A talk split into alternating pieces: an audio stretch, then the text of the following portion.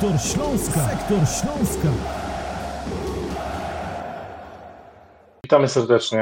E, już jesteśmy e, o czasie. No, po dwóch tygodniach przerwy wracamy z nieco odmienionym podcastem Sektor Śląska. Witam wszystkich słuchaczy, też tych, którzy e, albo zgromadzili się tutaj w naszym pokoju na żywo, ale też być może odtwarzają naszą dyskusję albo tutaj na Twitterze, chociaż teraz powinniśmy powiedzieć chyba na Xie, ale także na YouTubie i Sound, SoundCloudzie i Spotify'u, bo te rzeczy się nie zmieniają, czyli podobnie jak wcześniej nasz podcast będzie publikowany e, również na e, tych platformach.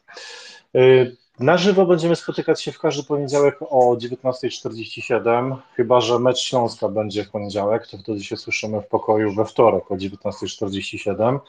Tak jak pisaliśmy, przypomnę, w wybranych odcinkach będziemy dyskutować z gośćmi specjalnymi, zaproszonymi przez nas. Dzisiaj takim naszym gościem jest prezes Śląska Wrocław, Patryk Załęczny. Panie prezesie, czy się słyszymy, czy jest ok? Tak, dobry wieczór, witam serdecznie wszystkich. Okej, okay, super. Dzięki za przyjęcie zaproszenia. Są z nami również redaktorzy Śląsknetu, z którymi być może będziemy dyskutować również w drugiej części naszego, naszego spotkania. Jest Marcin Sapuń, Kasper Cyndecki. Panowie, spróbujcie e, coś powiedzieć, czy, czy was słychać, czy jest ok. Witam bardzo serdecznie wszystkich słuchaczy. Oczywiście, jeżeli ktoś będzie chciał zabrać się głos, jeżeli ktoś będzie chciał zadać jakieś e, pytanie do naszego gościa, do nas, bądź ktoś po prostu chciałby, chciałby coś powiedzieć na temat Śląska Wrocław, to, to zawsze jest taka opcja, jest taka możliwość, żeby poprosić o udzielenie głosu i oczywiście e, będziemy, będziemy e, to robić. Panie prezesie, nie będzie pan z nami do końca. E, po tym, jak pan opuści nasz pokój, oczywiście zostańcie z nami jeszcze, e, podyskutujemy sobie o Śląsku, e, także nie odchodźcie. No i pierwszych kilka pytań będzie ode mnie do, do naszego dzisiejszego gościa, a później oczywiście zachęcamy również Was do zadawania pytań. Pytanie numer jeden. Stanowisko objął Pan 11 września, mija więc prawie równo miesiąc.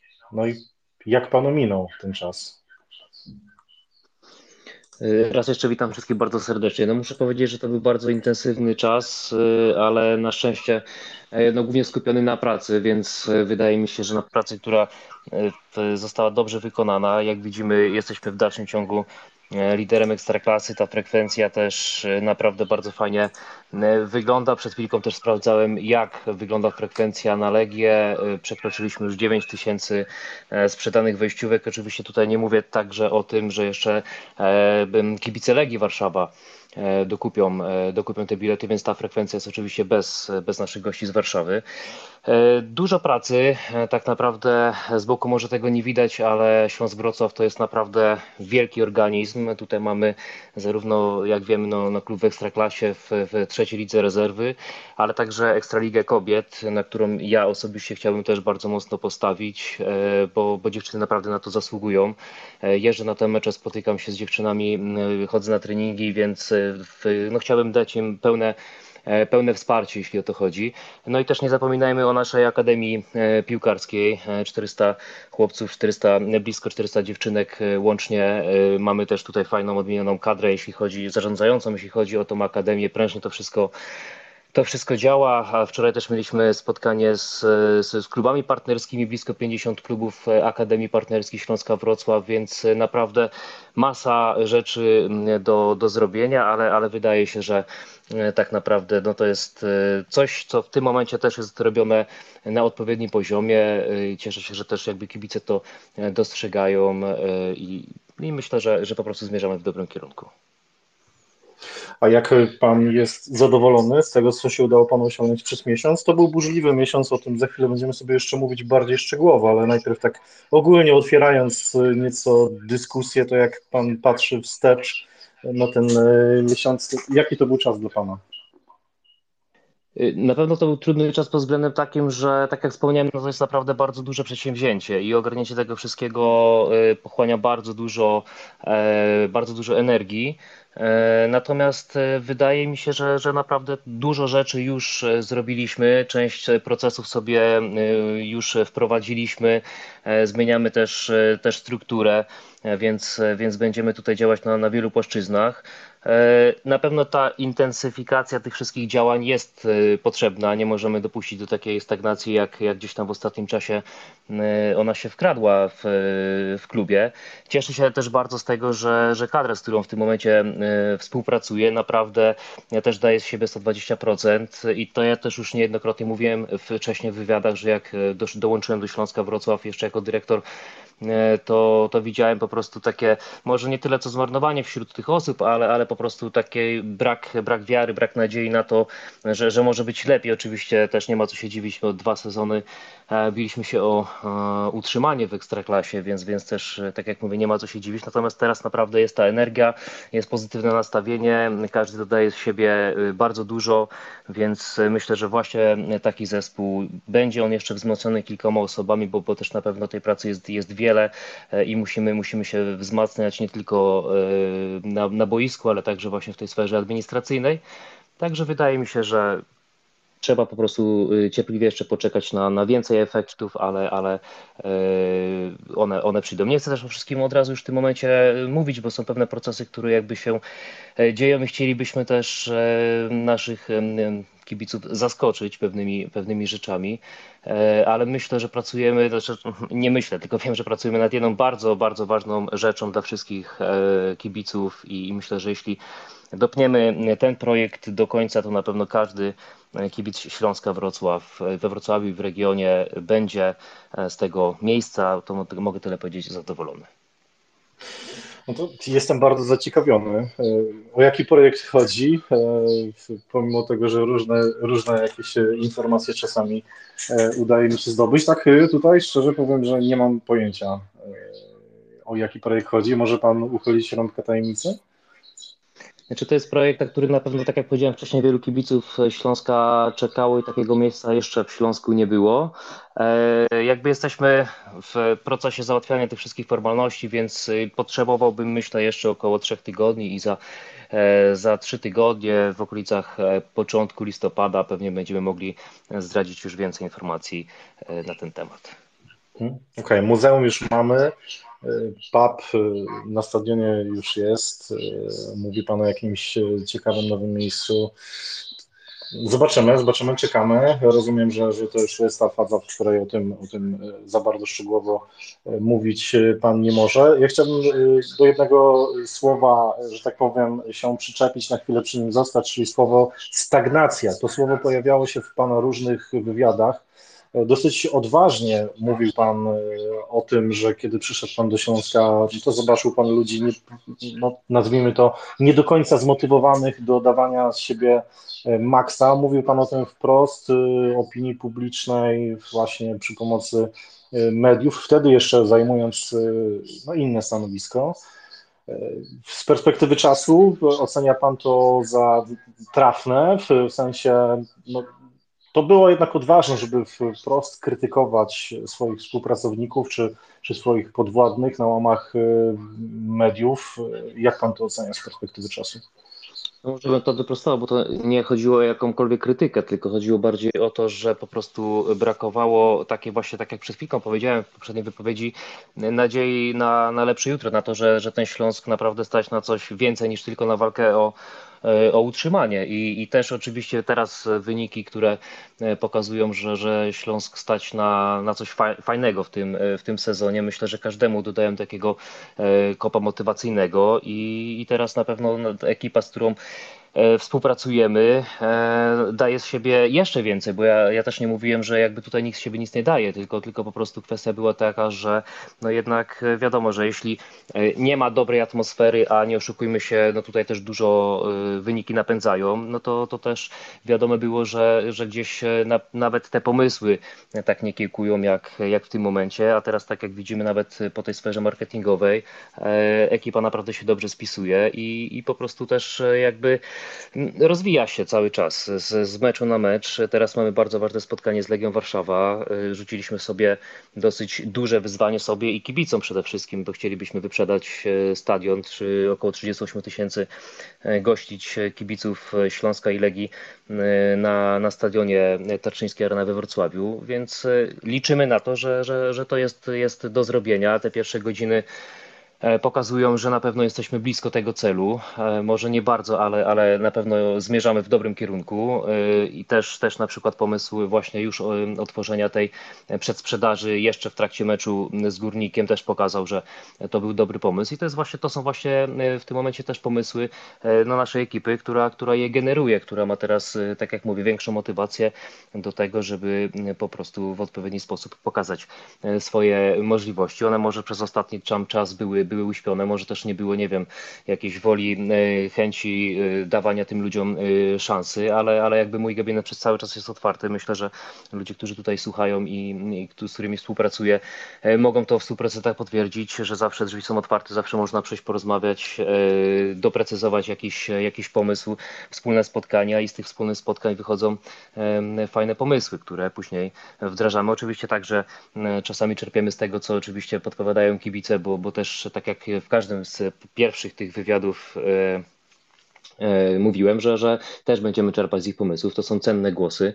E, klub jest dla kibiców, więc, więc dlaczego mielibyśmy też z, z głosu fanów, który niejednokrotnie jest oczywiście cennym głosem i takim wartościowym, nie korzystać. Oczywiście nie możemy też skorzystać z wszystkiego, bo wiadomo, że jakby z różnych e, powodów, czy finansowych, czy prawnych, nie możemy z pewnych rzeczy wdrażać, zmniejszać, e, powiedzmy, bardzo, nie wiem, stref buforowych, jak teraz e, pojawiają się takie pytania, bo tutaj przede wszystkim też chodzi o bezpieczeństwo nas wszystkich. Ja jako prezes zarządu biorę za to wszystko odpowiedzialność, pełną odpowiedzialność, więc ja też nie będę głowy nadstawiał E, na takie e, rzeczy, więc, więc ja też muszę myśleć e, po prostu głosem rozsądku, nie tylko jakby sercem, bo wiadomo, że sercem byśmy chcieli otworzyć w 100% ten stadion, tak jak to się dzieje na przykład na meczach reprezentacyjnych, no ale jak dobrze wiemy, nie wszystko możemy zrobić, no ale będziemy się starać robić po prostu jak najwięcej. Właśnie a propos tej przedsprzedaży, to mówiąc szczerze, ja nie pamiętam takiej, takiej sytuacji. Może ktoś mnie zaraz poprawi, może ktoś pamięta, czy Śląsk tego typu, to nazwijmy to jakąś e, taką promocję, taką dodatkową motywację dla karnetowiczów, czy, czy też właśnie kibiców, którzy byli na poprzednim meczu, czy zrobił.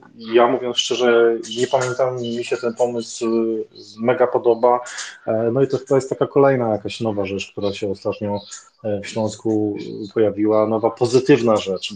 Do tej pory dużo złego działo się wokół Śląska, w samym, w samym Śląsku, tak jak zresztą pan, pan mówi, e, można było wyczuć pewnego rodzaju stagnację, która miała miejsce przy Oporowskiej, co też y, w jakimś sensie y, nie dziwi, biorąc pod uwagę, że no, broniliśmy się dwa sezony z rzędu mm, przed spadkiem, ale tak jak Pan mówił w wywiadach, y, pracownik klubu, który zajmuje się PR-em, marketingiem, czymkolwiek, nie może bazować tylko i wyłącznie na tej motywacji, czy to kibiców, czy, czy sympatyków Śląska, kiedy kiedy Śląskowi idzie dobrze, ale też wtedy, kiedy Śląskowi nie idzie. Jak na razie można powiedzieć, że pana początek jest bardzo fortunny, jeżeli chodzi o. Tak, chociaż przepraszam, bo przerwać, bo jakby sam, sam początek, yy, znaczy procesury tak, ale natomiast sam początek mojego pobytu w Śląsku Wrocław y, aż taki bardzo szczęśliwy nie był, bo, bo, bo jednak no, po tych trzech kolejkach nie, nie byliśmy nawet w środku tabeli, a, a bardziej ją zamykaliśmy, więc e, to też już wtedy jakby budowaliśmy ducha tego zespołu e, i próbowaliśmy tak e, nakręcać po prostu pracowników, żeby mimo wszystko się w dalszym ciągu nie poddawać, bo wiedzieliśmy, że to jest jest taki właśnie moment, gdzie już na początku złapaliśmy zadyszkę i trzeba było zrobić wszystko, żeby po prostu stopniowo e, z tego, z tego dołka wyjść. I, I też tutaj chylę czoła e, w stronę kibiców, bo naprawdę e, dali się przekonać, zaufali tej drużynie, przychodzili tak naprawdę od pierwszego tego meczu domowego pokaźnie, pokaźną liczbą na, na stadion, a myślę, że cała ta drużyna naprawdę się tutaj odpłaca. Ja jestem w stałym kontakcie kontakcie, codziennym kontakcie, nawet kilka razy dziennie oczywiście rozmawiam i z chłopakami ze sztabem e, szkoleniowym, dopytują mnie jaka jest frekwencja, jak to wszystko wygląda. Oni też naprawdę bardzo, bardzo chcą e, budować te frekwencje. To, że też udzielają się w licznych akcjach marketingowych, to jest też właśnie wyraz tego, że naprawdę ten Śląsk w tym momencie tworzy jedność i to nie tylko sama administracja się nakręca, ale, ale również i E, i piłkarze, więc, więc e, też w ich imieniu chciałbym podziękować e, kibicom, bo też, też z nimi rozmawiałem, oni są akurat w tym momencie na mini zgrupowaniu w Jeleniej Górze, więc, więc również przekazuję tutaj podziękowania od, od całego sztabu i od całej drużyny. Tak, myślę, że fajny był ten obrazek po, po meczu teraz z Górnikiem Zabrze. Oczywiście no, bardzo niefortunnie się zakończyło to spotkanie, ale od razu no, poszło takie fajne wsparcie z trybuny B. E, myślę, że to jest też taka no, zmiana w stosunku do tego, co miało miejsce w poprzednich rozgrywkach, kiedy no, niezbyt, e, niezbyt cenzuralnych słowach trzeba było przypominać to, co kibice krzyczeli e, często po, po meczach Śląska, ale też z drugiej strony wcale się kibicom nie dziwię, bo to były rzeczywiście trudne czasy. Okej, okay. E, Adrian Barański chce zabrać głos. Już akceptuję. Halo, halo. Tak, słyszymy Cię, słyszymy. Dobrze, świetnie. E, cześć, dzień dobry, witam wszystkich. E, w pierwszej kolejności tutaj chciałbym pogratulować panu prezesowi za w sumie dobry start, nie jak zatytułowany jest niełatwy start, ale jednak jest zauważalne, tak brzydko mówiąc, takie ogarnięcie Śląska Wrocław też od tej strony medialnej dookoła klubu e, dużo się dzieje, bardzo, bardzo fajnych rzeczy. Pomimo, e, można powiedzieć, jakiegoś wielkiego, jakiegoś wielkiego mm, doświadczenia wcześniejszego e, w zarządzaniu. I tutaj też właśnie mam pytanie przy okazji do, do, pana, do pana redaktora Krzysztofa, jeśli można oczywiście.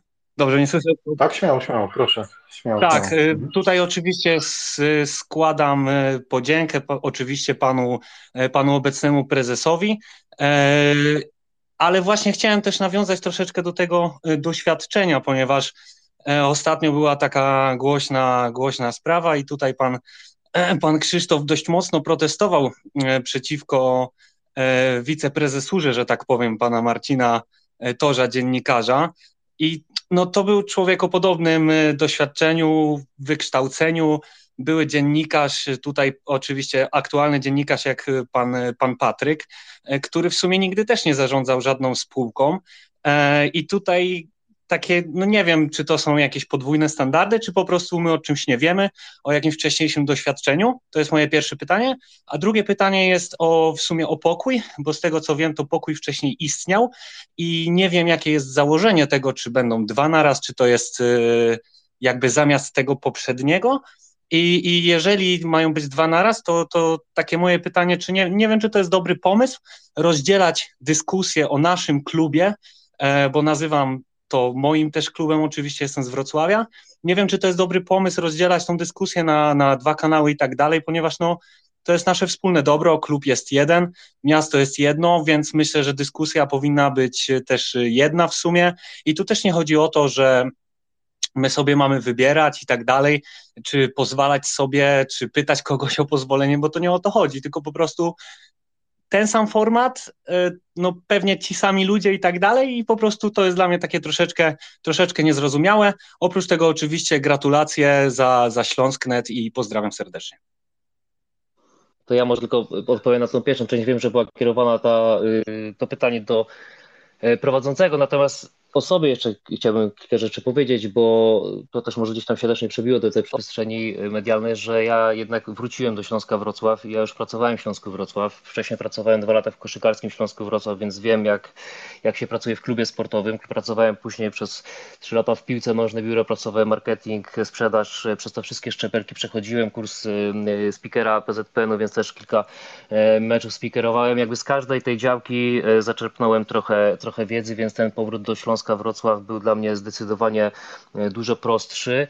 Przychodząc do Śląska Wrocław też cały czas podpatrywałem ówczesnego przewodniczącego, albo obecnego przewodniczącego Rady Nadzorczej, ale ówczesnego pełniącego obowiązki, więc, więc jakby też byłem cały czas przygotowywany do tej roli. Wcześniej też oczywiście i w TBS-ie zarządzałem swoim działem, wcześniej kierowałem różnymi projektami, więc jakby mm, tutaj zapewne doświadczenie mam, ale bardziej mi chodziło tutaj, jeśli chodzi o moją osobę, żeby przypomnieć też kibicom, że ja w tym Śląsku Wrocław nie tylko piłkarskim, ale koszykarskim przez, przez te pięć lat pracowałem, więc jakby ja przechodziłem przez różne szczebelki, byłem między innymi na stażu w, w St. Pauli, w, w Hamburgu, więc y, coś wydaje mi się o tym, o tym wiem i, i dlatego też mi jest dużo prościej współpracowałem z większością osób, z którymi teraz e, współpracuję, więc, więc mamy do siebie zaufanie i, i liczę, że to po prostu będzie, będzie procentowało. To ja tylko taką stawkę o sobie, bo to akurat pierwsze pytanie dotyczyło mnie, nie wiem czy tutaj prowadzący też jakby miał gdzieś e, te informacje.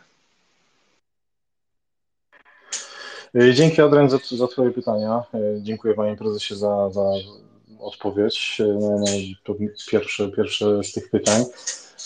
Jeżeli chodzi o tę kwestię, jak Adrian powiedziałeś, podwójnych standardów, wydaje mi się, że to jednak jest zupełnie inny, inny kaliber. To są no, nieporównywalne dla mnie osobiście rzeczy. W kontekście natomiast tych dwóch pozostałych rzeczy, czyli e, dlaczego pokój, e, dlaczego drugi pokój, Obiecałem sobie, bo wiedziałem, że to pytanie się dzisiaj pojawi od kogoś. Obiecałem sobie, że, że nie będę się publicznie tłumaczył z tego, dlaczego Śląsknet uruchamia jakiś kolejny projekt bądź zmienia jakiś, jakiś swój format, bo nie uważam, że, że powinienem ja czy ktokolwiek ze Śląsknetu, bo to oczywiście była nasza e, wspólna decyzja, że musimy się z tego tłumaczyć. Po prostu uznaliśmy, że na dzisiaj format podcastów, który e, do tej pory Wam e, proponowaliśmy, że to w jakimś sensie się wyczerpało. Nagraliśmy takich podcastów w poprzednim formacie E, około 80, to jest 94 odcinek, ale, ale ogólnie e, ten format e, się zmieniał. To już jest piąta albo szósta forma, tak jak, tak jak pisałem chyba z konta Śląsknetu. Więc nie uważam, że musiałbym się publicznie tłumaczyć z tego, dlaczego, dlaczego się zdecydowaliśmy na ten krok. Oprócz po prostu merytoryki, a merytoryka jest taka, że chcemy robić e, podcast w takim formacie. Przypomnę, że ten podcast, podobnie jak ten wcześniejszy format, też będzie publikowany na YouTubie, na SoundCloudzie, na Spotify, więc chcemy dalej docierać do e, grona odbiorców, do którego też do tej pory docieraliśmy, ale no też zapraszamy być może nowe grono odbiorców w postaci E, użytkowników Twittera, ale też po to, żeby dać Wam szansę, dać Wam możliwość, żeby z nami podyskutować, e, żeby podyskutować z gośćmi, których będziemy e, zapraszali. To tak jak wspomniałeś, wytrąciłeś mi ten argument, Adrian, trochę, trochę z rąk, ale, ale, ale ja go chciałbym też podkreślić. To jest dokładnie na podobnej zasadzie, jak człowiek wybiera, czy, czy ogląda wiadomości, wydarzenia, czy, czy coś innego. Tak samo E, od dzisiaj y, kibice, czytelnicy, użytkownicy Twittera mogą wybierać, y, którego pokoju chcą słuchać, a może chcą obydwa słuchać, bo do tego też oczywiście zachęcam. Absolutnie y, naszym celem nie jest, nie było, nie wiem, jakieś eliminowanie czegoś, mam na myśli tego, tego drugiego pokoju. Ten, kto mnie zna, a, a, a, widzę, że są tutaj ludzie, którzy mnie znają od wielu lat, doskonale wiedzą, że jestem człowiekiem, który działa według określonych zasad. W innym przypadku nie byłbym w Śląsknecie tak długo i nie przetrwałbym tak wiele różnych y, dziwnych zawirowań, zmian i tak dalej. I, I proszę mi zaufać po prostu, że nie ma tutaj absolutnie żadnych złych zamiarów. My o tym pokoju rozmawialiśmy już tak naprawdę w okresie zimowym, kiedy zastanawialiśmy się, co dalej z podcastami, tak co pół roku podejmujemy różne tego typu decyzje strategiczne. Więc to nie jest tak, że ten pomysł wykiełkował teraz, jakoś nagle, no on już był wcześniej, ale ciągnęliśmy dalej tamte podcasty. Więc Miałem, miałem publicznie tego nie komentować, ale, ale kilka słów jednak myślę, że Wam się należy. Rozmawiałem też z, z Filipem, który, którego tutaj widzę, krótko uzasadniając jak gdyby swoją decyzję i prosząc po prostu o to, żebyście nie traktowali tego jako jakiś, jakiś nie wiem, atak w stronę tamtego pokoju, czy próbę, nie wiem, odebrania czytelników, czy, czy cokolwiek. Po prostu robimy swoje, tylko i wyłącznie o to chodzi. Pokoje na Twitterze są od już wielu miesięcy, to nie jest nic nowego, to nie jest pomysł opatentowany e, przez e, ten drugi pokój, e, więc po prostu powiedzieliśmy sobie, dlaczego nie, skoro czujemy, że to chcemy, skoro widzimy, że ten format w jakimś sensie jest fajny, sprawdza się, no to, to, to czemu nie? To, to tyle, jeżeli chodzi o ten. Jasne. ten jeżeli mogę jeszcze tylko tak y, minimalną kwestię, bo ja jakby tu nie chcę narzucać no. jakiejś tam eliminacji, nie o to chodzi. W ogóle jakby nawet nie o to mi chodziło, e, tylko po prostu nawet tak jak właśnie mówisz, że no, ludzie sobie wybiorą e, i tak dalej, tylko właśnie po prostu jakby i kiedy jakby to zobaczyłem, jakby dowiedziałem się o tym, tako, takie, zada, takie pytanie sobie zadałem w głowie, jakby no dlaczego, wiesz, jakby w sensie, ja rozumiem, że Twitter ma tam e, jakby ludzi, którzy dołączają do tych pokoi i tak dalej, tylko że my mówimy o jakby grupie osób zaangażowanych w Śląsk Wrocław e, na tyle, że oni i tak uczestniczą w tym pokoju, bo mi nie powiesz, że nie uczestniczyłeś wcześniej w tamtym pokoju, ale rozumiem też taką kwestię, że po prostu chciałeś prowadzić własny. Spoko, nie ma problemu. Dzięki za y, głos. Dzięki bardzo za to pytanie e, jeszcze raz i, i, i za, mam nadzieję, zrozumienie. E, jeżeli chodzi o śląskowe gadanie, było ostatnio fajne w barze, podałem dalej, kibicowałem, kibicuję nadal, przecież tworzą to ludzie, których znam, więc też, też im kibicuję i trzymam kciuki, niech ten pokój się rozwija, niech nasz pokój się rozwija, każdy po prostu niech robi swoje. Ja złego słowa nigdy nie powiedziałem i nie powiem e, publicznie na temat tamtego pokoju, bo, nie, mam, nie mam absolutnie e, żadnych podstaw do tego. Każdy ma prawo po prostu robić to, na co ma ochotę, to, to, to co chce. My mamy ochotę żeby prowadzić to na swój sposób, zapraszać gości, których my chcemy zapraszać i, i robić coś fajnego wokół Śląska, tak jak robimy to od ponad 23 lat na Śląsknecie i, i tylko tyle. I tak jak powiedziałem, ten, kto mnie zna, to wie, że e, jestem przyzwoitym człowiekiem i e, nie sądzę, żeby trzeba mi przypisywać jakieś, nazwijmy to, złe intencje, bo, bo mam wrażenie, że Niektórzy tak to, tak to odebrali, absolutnie tych złych intencji nie ma. Ok, czy ktoś chciałby zabrać głos jeszcze w tym temacie bądź w innym? No, oczywiście mamy jeszcze pana prezesa, więc myślę, że warto też z tego skorzystać i ewentualnie zadać pytanie panu prezesowi, więc y, zachęcam, czy ktoś chciałby zabrać głos.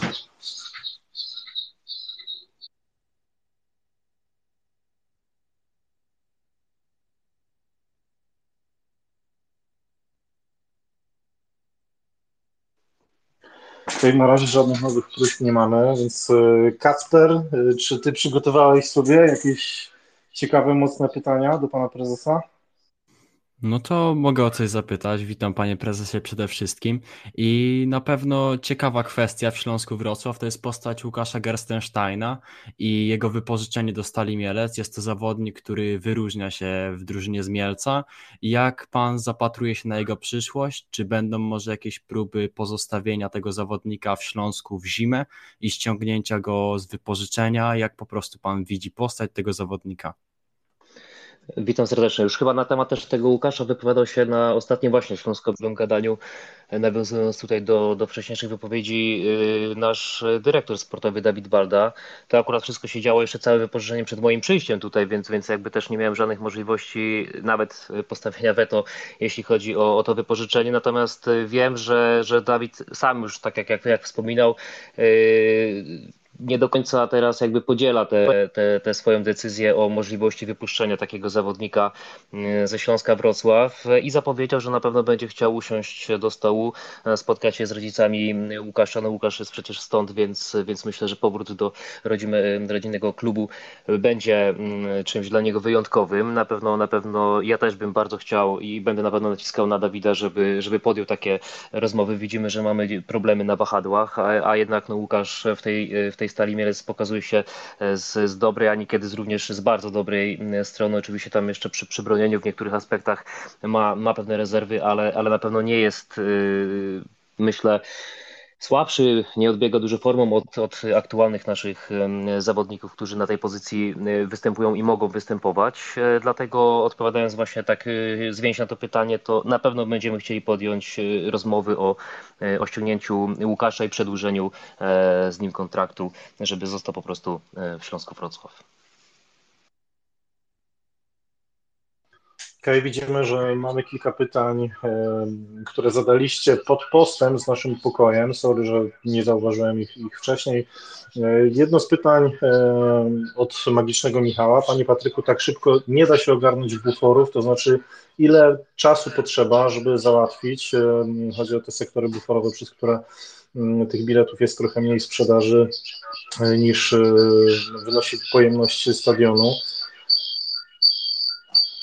Powiem tak, e, przed naszym spotkaniem jeszcze potwierdzałem sobie to z, z dyrektor działu bezpieczeństwa. Impreza została zgłoszona na 38 tysięcy oczywiście. Jeśli będzie możliwość, my oczywiście to możemy e, rozszerzyć. Natomiast e, tak jak wspomniałem też na początku, ja biorę pełną odpowiedzialność za, za tę imprezę, jaką jest mecz piłkarski, więc musimy usiąść. Jutro też zapowiedzieliśmy sobie takie spotkanie.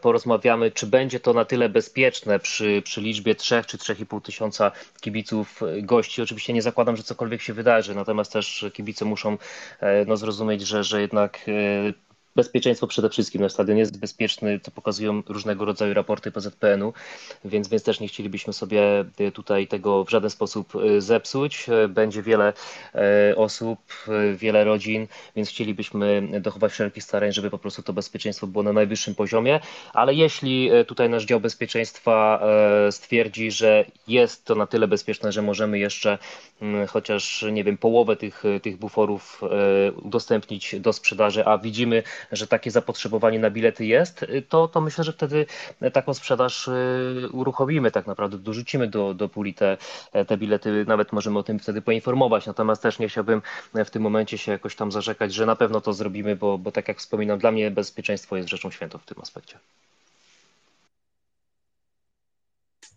Okej, okay, dostaję od Was informację, że, że jest jakiś problem, jeżeli chodzi o dźwięk. Ja z tym za chwilę powalczę. Przełączę się po prostu chyba tylko na konto Śląsknetu.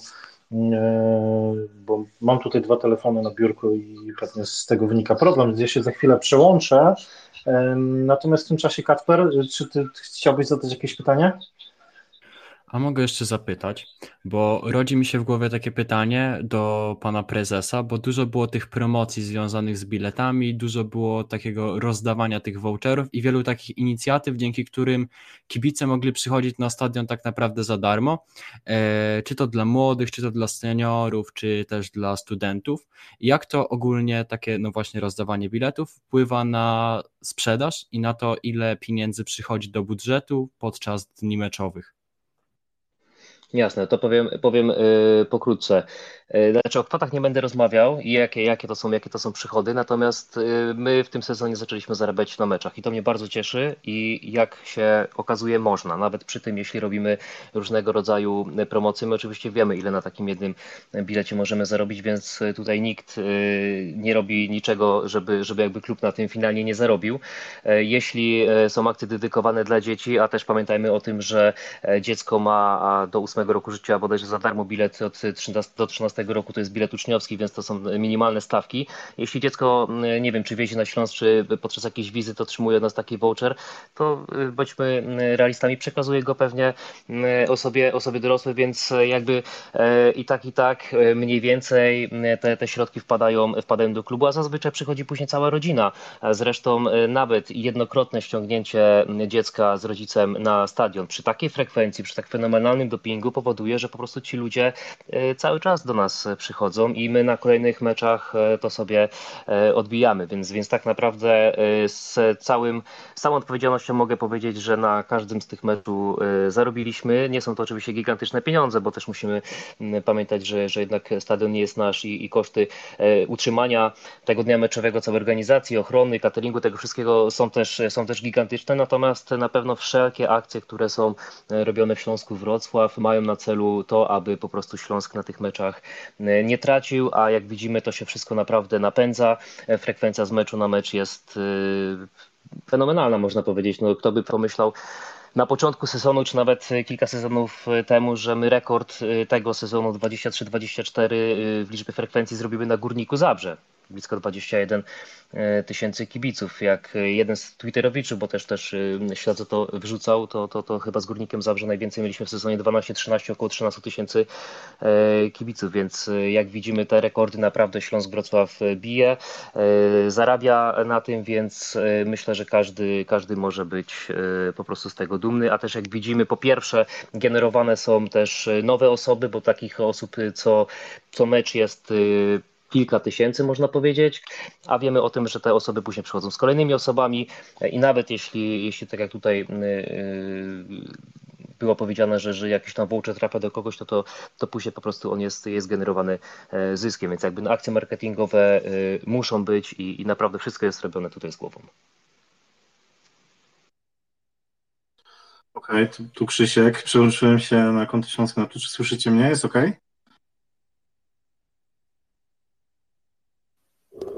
Jest ok. Tak, wszystko słychać. No.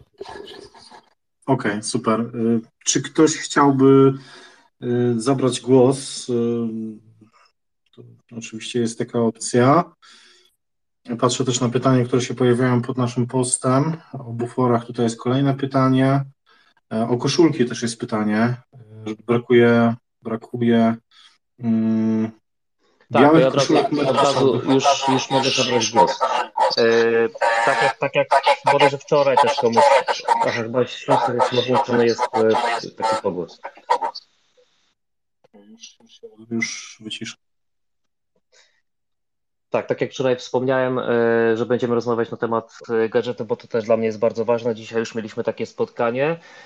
Nie chcę też wszystkiego w tym momencie zdradzić, bo zaraz, zaraz to się, to się rozniesie, natomiast e, w ciągu 3-4 dni myślę, że e, bardzo ciekawe rzeczy e, trafią do, do sprzedaży.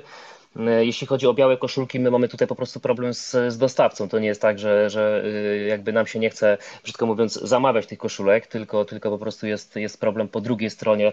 Jak wiecie albo nie wiecie, my współpracujemy w tym zakresie z Team Eleven Sport, czyli z czeskim dystrybutorem firmy Nike, więc jakby jest tutaj jakiś mały problem i próbujemy go rozwiązać. Natomiast zatowarujemy się zielonymi koszulkami, bordowymi koszulkami. Wprowadzamy, tak jak tutaj osoby z Twittera i też, nie wiem, z innych mediów społecznościowych chciały te, te białe koszulki z liczbami, także to też nie jest tak, że dzisiaj ktoś rzuca pomysł, a jutro ta koszulka czy bluza może być. Naprawdę nad tym pracujemy. Jest y, bardzo fajny teraz sztab ludzi zrobiony w tym dziale sprzedaży. Mm, pozyskaliśmy bardzo e, dobrego mm, menadżera, jeśli chodzi o, o, o te sklepy i myślę, że też to widać, bo, bo też, też mogę powiedzieć, że Porównując e, sprzedaż na przykład w dniu meczowym, to też może taka ciekawostka e, dla innych. E, w tym momencie, oczywiście też jest więcej osób, to też, ale to też jakby jedno z drugim się wiąże, czyli marketing plus sprzedaż. Generujemy około trzy razy więcej przychodu niż to było w poprzednim sezonie. Więc, więc jakby też tymi, tymi środkami oczywiście chcemy obracać i chcemy je rozsądnie i z głową wydawać i chcemy cały czas robić nowe kolekcje, więc i będą to kolekcje jesienne, będą to kolekcje zimowe, będzie też uzupełnianie tych stoków. E, mamy już nad tym panowanie, co niestety do tej pory też, też e, różnie z tym bywało. Natomiast natomiast e, no chcemy, chcemy dbać tutaj o, o, o klientów. Widzimy, że jest ogromne zapotrzebowanie, więc, więc jak najbardziej będziemy szli w tym kierunku, żeby to wszystko, to wszystko wzmocnić i żeby każdy z naszych kibiców po prostu mógł też dostać taką rozmiarówkę, jaką potrzebuje, bo wiem, że z tym też jest problem. Czasami nie wiem, problem jest z S-kami, z L-kami, bo to jest akurat są takie chodliwe towary. Próbujemy się teraz jeszcze bardziej zatowarować właśnie tymi rozmiarami problemy są z dwoma X-ami, ale to nie jest jakby nasz problem, że my ich nie zamawiamy, tylko no niestety producent jakby nie przewidział takich e, wielkich rozmiarówek. E, więc to też nie jest tak, że jak wy piszecie i ja coś bagatelizuję, bo totalnie tak nie jest. E, zawsze po jakimś takim tweetie ja sobie też robię notatki. Od razu o każdej porze wysyłam to do, do, osób ze sprzedaży. Następnego dnia, tak jak nawet mówię dzisiaj, po tych wczorajszych komentarzach spotkaliśmy się, omówiliśmy plan działania i, i w tym tygodniu dwukrotnie myślę, że Was pozytywnie zaskoczymy. Okej, okay, tych pytań o asortyment mamy tutaj więcej, więc tak jak y, Pan mówi, rzeczywiście y, jest zapotrzebowanie, no szczególnie myślę, że teraz w, w tym okresie, kiedy, kiedy Śląskowi po prostu idzie y, i, i ma w swoim składzie zawodników, z którymi można się identyfikować. Tutaj przede wszystkim oczywiście mam na myśli tego kosmitę, czyli Erika Exposito i o niego chciałem właśnie zapytać, bo dzisiaj absolutnie drużyna śląska bez Erika Exposito to jest coś, czego nie jesteśmy w stanie sobie wyobrazić. Wiemy, że jemu kończy się kontrakt za raptem 8 miesięcy. Czy dzisiaj są podejmowane już jakieś czynności, czy trwa już jakiś proces, nawet proces myślowy, co zrobić z tym fantem? To ja może jeszcze powiem tak, że ja byłem jednym z tych osób, które głośno krzyczały, jak zresztą jak widzieliście też na Twitterze, że Erik Exposito zostanie we Wrocławiu, bo to była taka już e, sprawa najwyższej rangi. E, właściciel też podjął taką, a nie inną decyzję e, i za wszelką cenę chcieliśmy zostawić Erika Exposito w Śląsku Wrocław. Jak widzimy, on się naprawdę spłaca, jeśli chodzi o ten aspekt sportowy. Erik Exposito dzisiaj przewyższa tę ligę i to można głośno powiedzieć.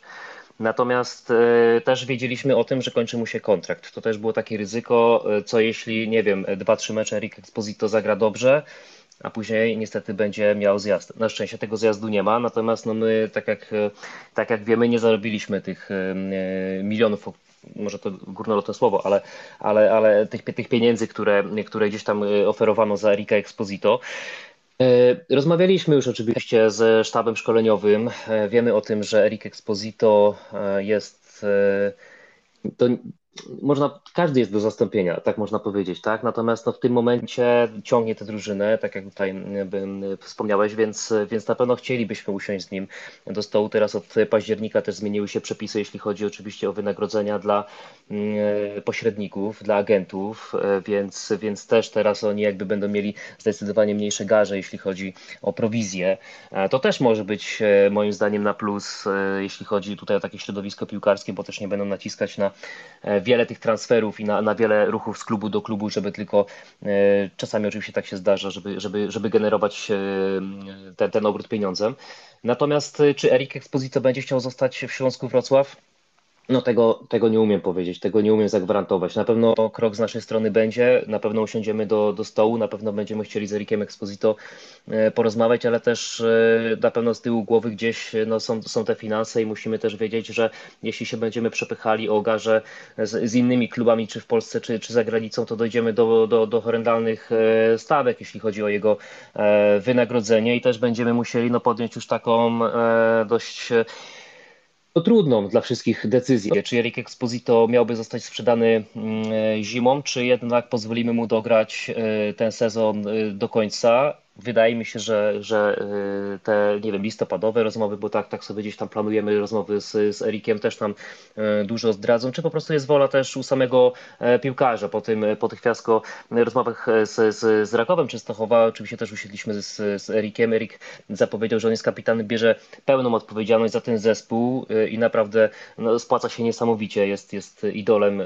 wszystkich chyba wrocławian i osób, które kibicują Śląskowi Wrocław więc y, na pewno nie żałujemy tego, że został. Zrobimy wszystko, żeby y, chciał zostać, y, ale tutaj na chwilkę zmienię temat i powiem o innym Hiszpanie, o, o, o Nahuelu, który również gra przecież naprawdę fenomenalnie i takie wstępne nasze rozmowy pokazują, że, że Nahuel będzie chciał pozostać w Śląsku Wrocław i podpisać kontrakt ze Śląskiem Wrocław i, i myślę, że Śląsk Wrocław też chce podpisać ten kontrakt z Nahuelem, jeśli oczywiście się dogadamy, to, to na pewno Matias będzie w dalszym ciągu reprezentował barwy Śląska Wrocław. E, to też e, niejednokrotnie Dawid Balda już wspominał o tym, że oczywiście e, skoro każdy jest do zastąpienia, to my też musimy sobie szykować listę potencjalnych kandydatów i na to okienko zimowe, a już jakaś taka wstępna lista powstała i ona jest cały czas uaktualniana, ale także na to okienko letnie, a te rozmowy z Erikiem po prostu nam pokażą, czy będziemy musieli skorzystać z tych zawodników już zimą, czy będziemy mogli poczekać po prostu do, do lata. Ale tak, będziemy chcieli żeby Erik został i zrobimy wszystko też, żeby, żeby został y, na Huel. No podobno nie ma ludzi niezastąpionych, ale zastąpić dzisiaj Erika w składzie Śląska to, to byłby nie lada wyczyn. Może Kenneth Zachore nagle pokaże nam się z dobrej strony. To ciągle zawodnik, który jest mm, no, po, bez formy, pod formą, różnie to można określić. Byłem na ostatnim ale, meczu. Ale jakby jego sama też może właśnie wywołuje to, że, że jednak ten Erik cały czas trzyma bardzo wysoki poziom i na treningach daje, zawsze mm -hmm. dawał z siebie wszystko, ale, ale no w tym momencie jak widzimy, no to jest po prostu on przewyższa tę ligę. No to co robił z Górnikiem Zabrze, to można powiedzieć, że on się wręcz bawił z tymi obrońcami i frustrował e, tych obrońców. Ja tylko trzymałem kciuki, żeby po prostu nie, nie, nie, nie dostał żadnej głupiej żółtej kartki, no bo byśmy wtedy nie mogli z niego skorzystać w tym najważniejszym chyba meczu w, w tej rundzie. Więc wszystko się dobrze, dobrze potoczyło i na pewno wiele osób i wiele klubów już e, patrzy, patrzy na Erika. Ja też e, miałem tam spotkanie e, i z Rakowem Częstochowa już były takie pierwsze zapytanie, czy byśmy go chcieli zimą puścić. Natomiast też obiecaliśmy sobie, że nie będziemy się tutaj przepychać, jeśli chodzi o, o te finanse, bo, bo też ani Raków, ani Śląsk, ani pewnie inny klub w Polsce nie chce sobie zrobić po prostu ogromnych jakichś widełek finansowych, a właśnie takie po prostu przepychanie się, przeciąganie tej liny by, by to spowodowało. Także do wszystkiego musimy podejść z głową i tak jak mówię, lista osób powstaje. Yy, muszę powiedzieć, że Dawid Bada robi naprawdę super robotę i tam są naprawdę fajne nazwiska, yy, takie, o których kibice yy, słyszeli.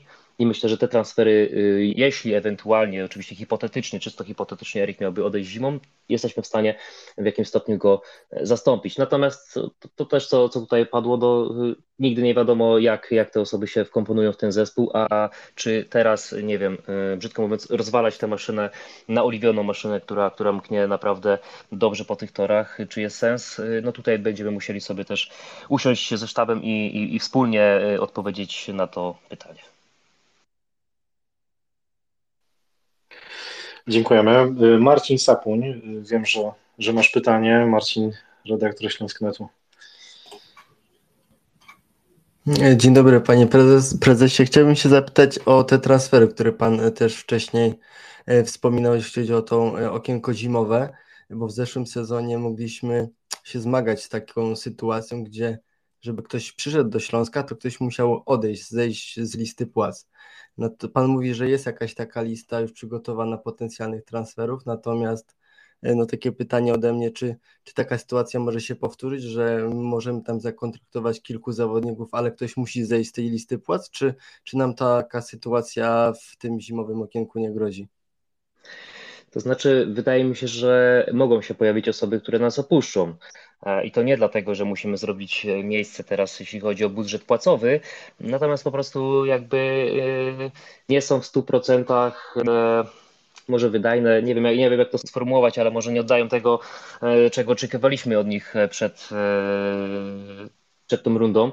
Natomiast dajmy im jeszcze kilka spotkań, zobaczymy, zostało jeszcze kilka meczów w, w tej rundzie i te dwa już jeszcze rundy wiosenne, ale rozgrywane w grudniu, więc być może ktoś jeszcze z tych, z tych osób zaskoczy, także, także tutaj jeszcze e, bym się, bym się z tym e, wstrzymał. Natomiast e, jeśli my będziemy w czołówce, a bardzo na to liczę z całego serca, liczę, że naprawdę będziemy na, na samym szczycie, a jak nie to chociaż w pierwszej trójce po, po, tej, po tej jesieni, czy tam, czy tam grudniu jeszcze dodatkowo, to będziemy robić wszystko, żeby ta drużyna została wzmocniona i na pewno ja swoją osobą będę robił wszystko, żeby nie osłabić tej drużyny i żeby nie zaprzepaścić takiej szansy, jaka w tym momencie e, no jest, bo, bo, bo też e, wczoraj oglądałem bodajże Ligę Plus Ekstra były pokazywane e, dwie drużyny, był pokazywany Raków, była pokazywana Legia z sezonu poprzedniego i właśnie Legia z dwóch sezonów wcześniej. Na tym etapie rozgrywek to właśnie te drużyny miały taką samą liczbę punktów jak Śląsk Wrocław obecnie.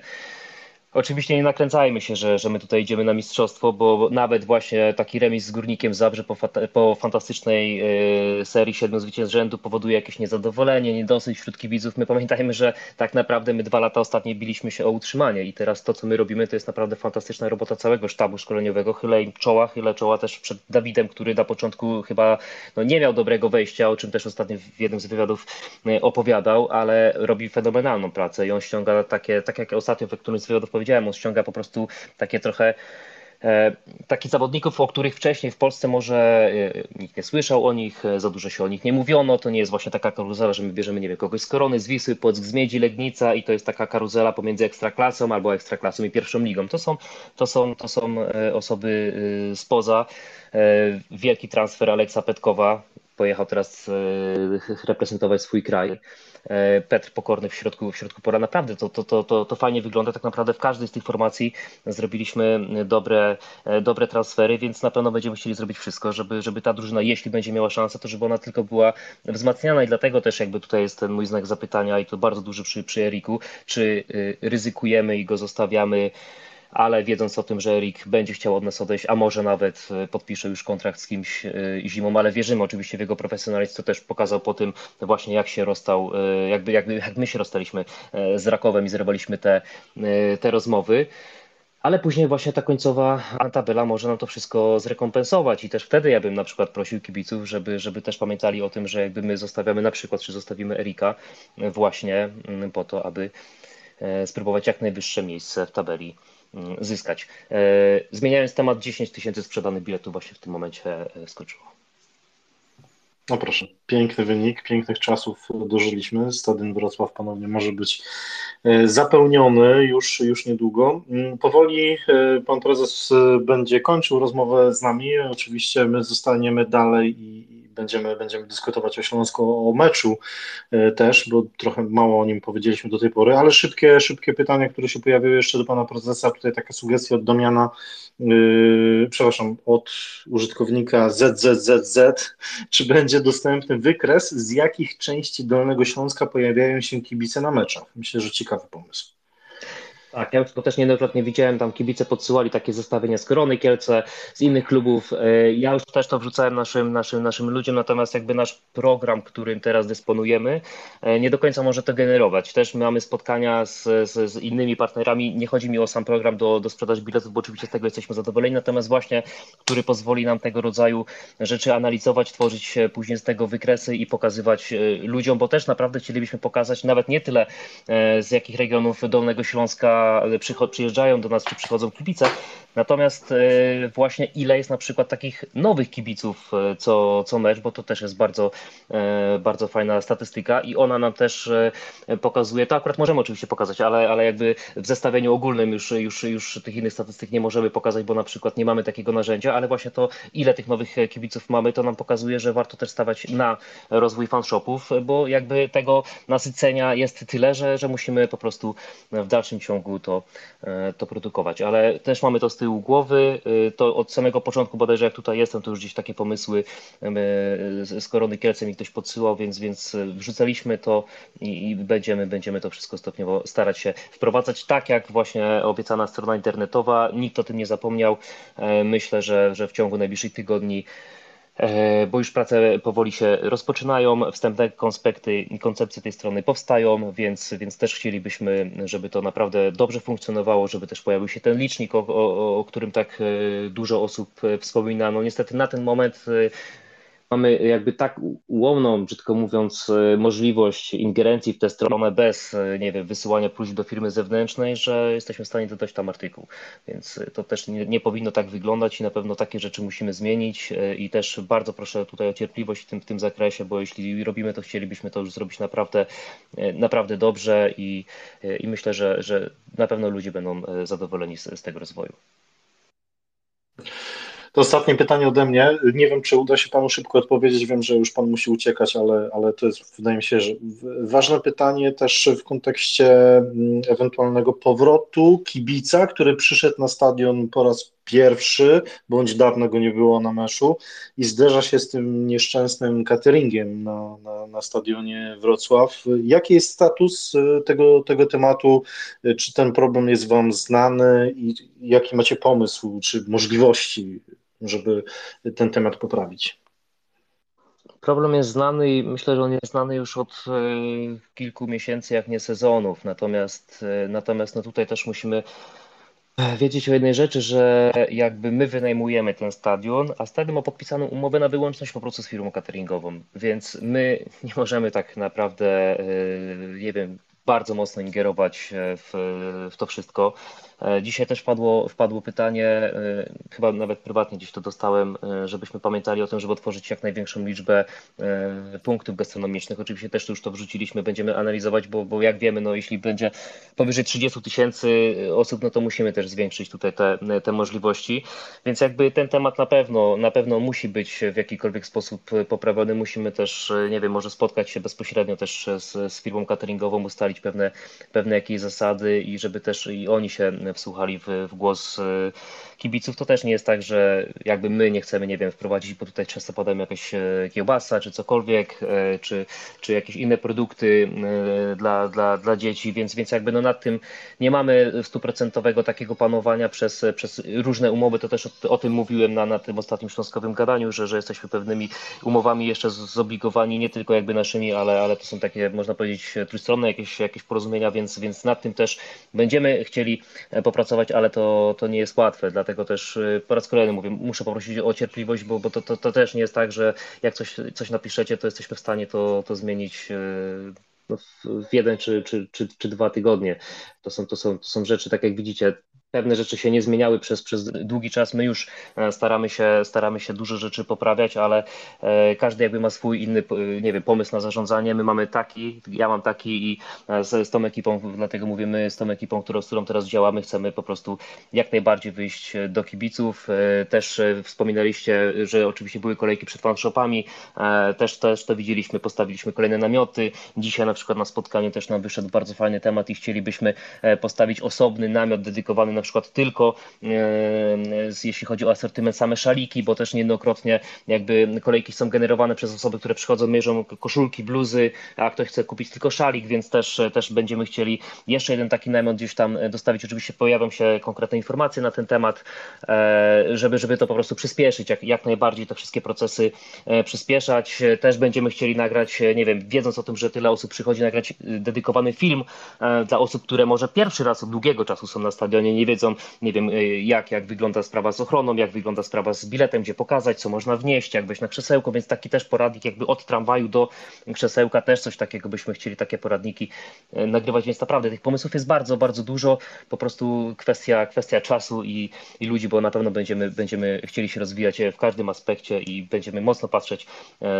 na to, czego kibice oczekują i ja w dalszym ciągu mówię, że jeśli ktokolwiek ma jakieś pomysły, pytania, proszę pisać. Ja oczywiście nie wiem, nie za każdym razem odpiszę, bo, bo naprawdę teraz bardzo dużo tych obowiązków jest, ale ja sobie później to przeglądam.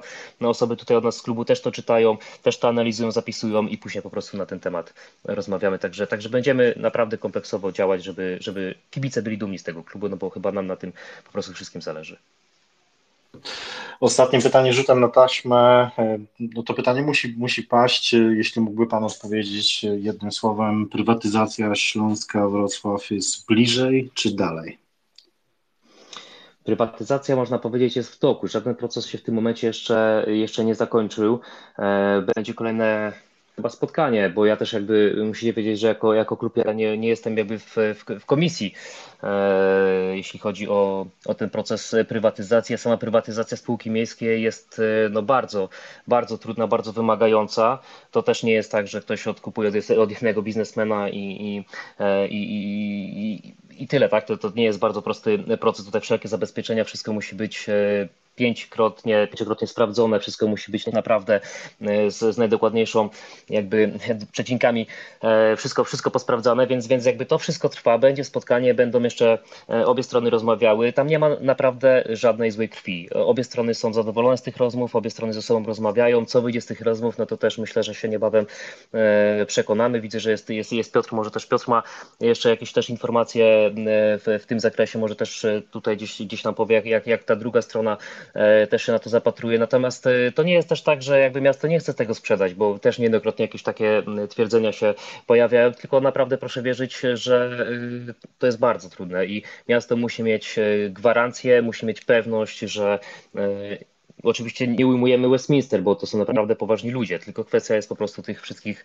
e, zabezpieczeń, żeby się nie okazało, że za jakiś czas po prostu no, miasto będzie zmuszone, nie wiem, ratować ten klub, dokładać jeszcze, jeszcze więcej, czy, czy ewentualnie e, odkupować go od, od inwestora, no bo wtedy też miasto wyjdzie po prostu na, na bardzo niepoważny e, podmiot w tym, w tym całym działaniu, więc dlatego to może też, też tyle trwa, ale dopóki to trwa, no to, to, po, prostu, to po prostu poczekajmy i co z tego wyjdzie, no to, to też ja nie jestem w stanie stanie zagwarantować. Myślę, że, że nikt tutaj z obecnych nie jest w stanie zagwarantować, bo tak naprawdę tylko te obie strony, e, które, które są w tym procesie, e, wiedzą, czy to, się, czy to się uda, czy to się nie uda, a najbliższe rozmowy myślę, że będą już takie chyba finalne w tym wszystkim i, i też się wtedy dowiemy, w którą stronę e, po prostu. This space was downloaded via spacesdown.com. Visit to download your spaces today. Ta współpraca będzie miała pójść.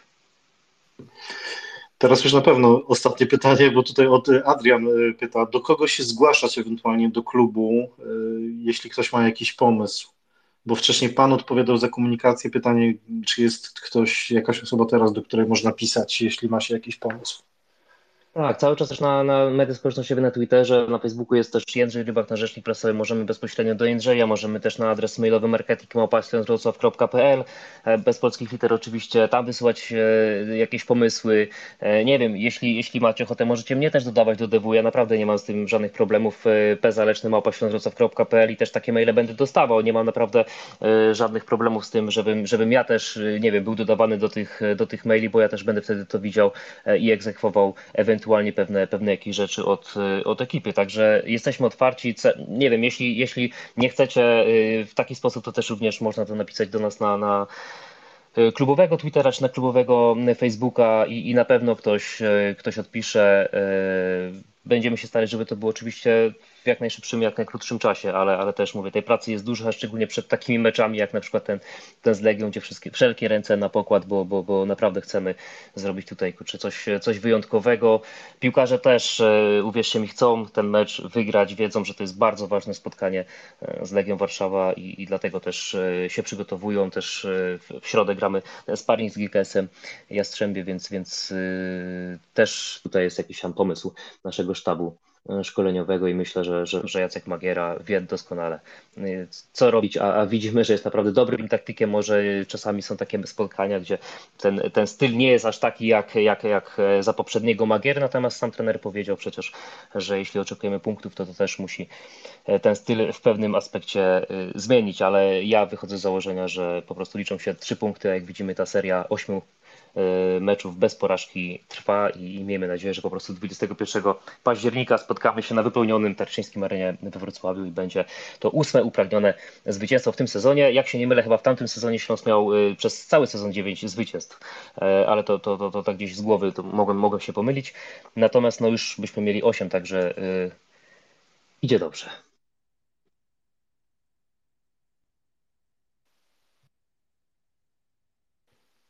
Prezes Śląska Wrocław Patryk Załączny był gościem naszego pokoju. Pani prezesie, dziękujemy za poświęcony czas. Sporo pytań jeszcze na naszej liście. Sporo pytań jeszcze na naszej liście, sporo pytań też od Was, ale no niestety czas biegnie nieubłaganie. Jeszcze raz dziękujemy za wizytę w naszym pokoju. My nie kończymy naszej rozmowy, mm, bo no mamy do omówienia ważny mecz, mecz, w którym zakończyła się seria mm, zwycięstw Śląska Wrocław. Ta ostateczna liczba tych spotkań wygranych z rzędu to 7, co jest absolutnym e, rekordem. Nie udało się nigdy wcześniej Śląskowi w Ekstraklasie wygrać siedmiu meczów z rzędu. Wydawało się, że e, będzie ten ósmy mecz i tego rekordu już być może nigdy nikt nie pobije, chociaż oczywiście miałbym nadzieję, że, że, że tak się wydarzy. Mm, Marcin Sapuń, jak ty podchodzisz do tej końcówki tego meczu? Co tam się twoim zdaniem wydarzyło i Y, kogo należy ewentualnie obwiniać y, za to, że Śląsk ostatecznie tych trzech punktów nie zdobył? Nie wiem, czy jesteś Marcin? Jak nie, no to pytanie przychodzi do Kaspra. No dobra, to jak pytanie przychodzi do mnie, to ja powiedziałbym, że na pewno w tej końcówce Śląsk był nerwowy zabrakło takiego spokoju i koncentracji przede wszystkim, bo wydawało się, że Górnik nie miał w tym spotkaniu zbyt wielu sytuacji, nie było okazji na to, żeby drużyna Jana Urbana zdobyła bramkę. I tutaj tak naprawdę no znikąd przyszło to zagrożenie, do piłki dopadł Czyż, uderzył, no i zrobiło się jeden do jednego, potem od razu sędzia Kwiatkowski zakończył ten mecz i tak naprawdę pozostał taki niedosyt po tym spotkaniu, bo wydawało się, że trzy punkty to tak naprawdę będzie tylko kwestia kilku sekund, e, patrząc z perspektywy 90 minuty i dopisania sobie właśnie tych trzech punktów do, do ligowej tabeli i dopisania tego ósmego zwycięstwa z rzędu, a tu jednak nastąpił taki no klops można powiedzieć. Tak, no właśnie jedni obwiniają y, Rafała Leszczyńskiego w tej sytuacji za to, że E, tak, a nie inaczej wznowił grę. Inni e, obwiniają Camerona Burtwicka Jacksona za to, że e, zamiast agresywnie podejść do krzyża, to, to postanowił uklęknąć. I tutaj, nie wiem, dawno nie oglądałem reprezentacji Anglii, nie wiem, czy jeszcze reprezentanci tego kraju klękają przed meczem, może ktoś śledził ostatnio, patrzył, bo to tak trochę wyglądało na stóp klatce, jakby Bortwick Jackson po prostu no, uklę, uklęknął przed, przed, przed, przed krzyżem. Y, jakie jest Wasze zdanie na ten temat? Co się stało w końcówce? Michał, ty, ty poprosiłeś przed chwilą o głos. Nie wiem, czy chciałbyś. Y, ja, jak, jak najbardziej. Ja, ja się zawsze z chęcią wypowiem. To znaczy, ni niestety nie mogło, mieć nie mogło być osobiście na meczu w drodze wyjątku z przyczyn osobistych. Natomiast ja troszeczkę się boję, jako taki sceptyk życiowy, jako taka osoba, która raczej zawsze patrzy na ten świat trochę z takiej perspektywy realistycznej, że to w końcu musiało nastąpić, bo to było trochę takie uciekanie od przeznaczenia. E, w wielu przypadkach nie da się ukryć, że mieliśmy e, sporo farta w tym sezonie. Mecz z Wartą, e, Myślę, że pośrednio trochę też na przykład w meczu z Puszczą, czy w meczu z Pogonią Szczecin, gdzie e, nie została uznana bramka dla Pogoni. Słusznie, że nie została uznana, natomiast y, wiemy, że są sędziowie w naszej ekstraklasie, którzy mogliby e, takową bramkę puścić. No i troszeczkę się boję, żeby e, po takim gongu y, przysłowiowym nie zeszło z nas powietrze przed Legią. Ja chciałem przypomnieć taki bardzo ważny fakt, parę w zasadzie takich sytuacji z przeszłości, gdy miewaliśmy na przykład jakiś bardzo dobry okres e, gry, e, nawet w sezonie, kiedy walczyliśmy o Mistrzostwo Polski zdobyliśmy to Mistrzostwo Polski, była bardzo wielka e, ochota powalczyć z Legią, a w dwóch przypadkach i e, to się skończyło takim bardzo brutalnym oklepem. Krótko mówiąc, ja pamiętam doskonale mecz, e, gdzie bodajże po dwóch minutach już przegrywaliśmy 0-2, po 13 sekundach przegrywaliśmy w całym meczu i troszeczkę się boję, że podminowana Legia po porażkach zarówno w Lidze Europy, po tym, co się działo w meczach z też szeroko pojętą czołówką, z Rakowem i e, z Jagiellonią przystąpi do nas i po prostu nie odpuści nam i będzie chciała no tutaj pokazać swoją wyższość taką piłkarską i mm, trochę się tego meczu nawet bym powiedział obawiam. Bardziej na niego patrzę z obawami, żeby tutaj też nie było takiego tąpnięcia, że pójdziemy w dół, bo nie da się ukryć, i ja to będę cały czas powtarzać, że mieliśmy dużo szczęścia, którego brakowało nam w poprzednich sezonach, e, gdzie potrafiliśmy wygrane mecze zremisować, tak jak we wczorajszym spotkaniu. I w moim odczuciu po prostu nie chciałbym takiej sytuacji, że e, wychodzimy e, na Legię, nie wiem, w jakiś sposób przemotywowani, czy e, Legia nas zacznie od początku dominować i po prostu bić. I, i to się skończy tym 0-4, które widzieliśmy w przyszłości dwa razy. Też przy praktycznie, w jednym przypadku przy pełnych trybunach, w drugim przypadku to też był rekord frekwencji tamtego sezonu. To był chyba sezon 16-17, kiedy Legia grała w Lidze Mistrzów i, i prowadził tą Legię już chyba Jacek Magiera, o ile dobrze pamiętam.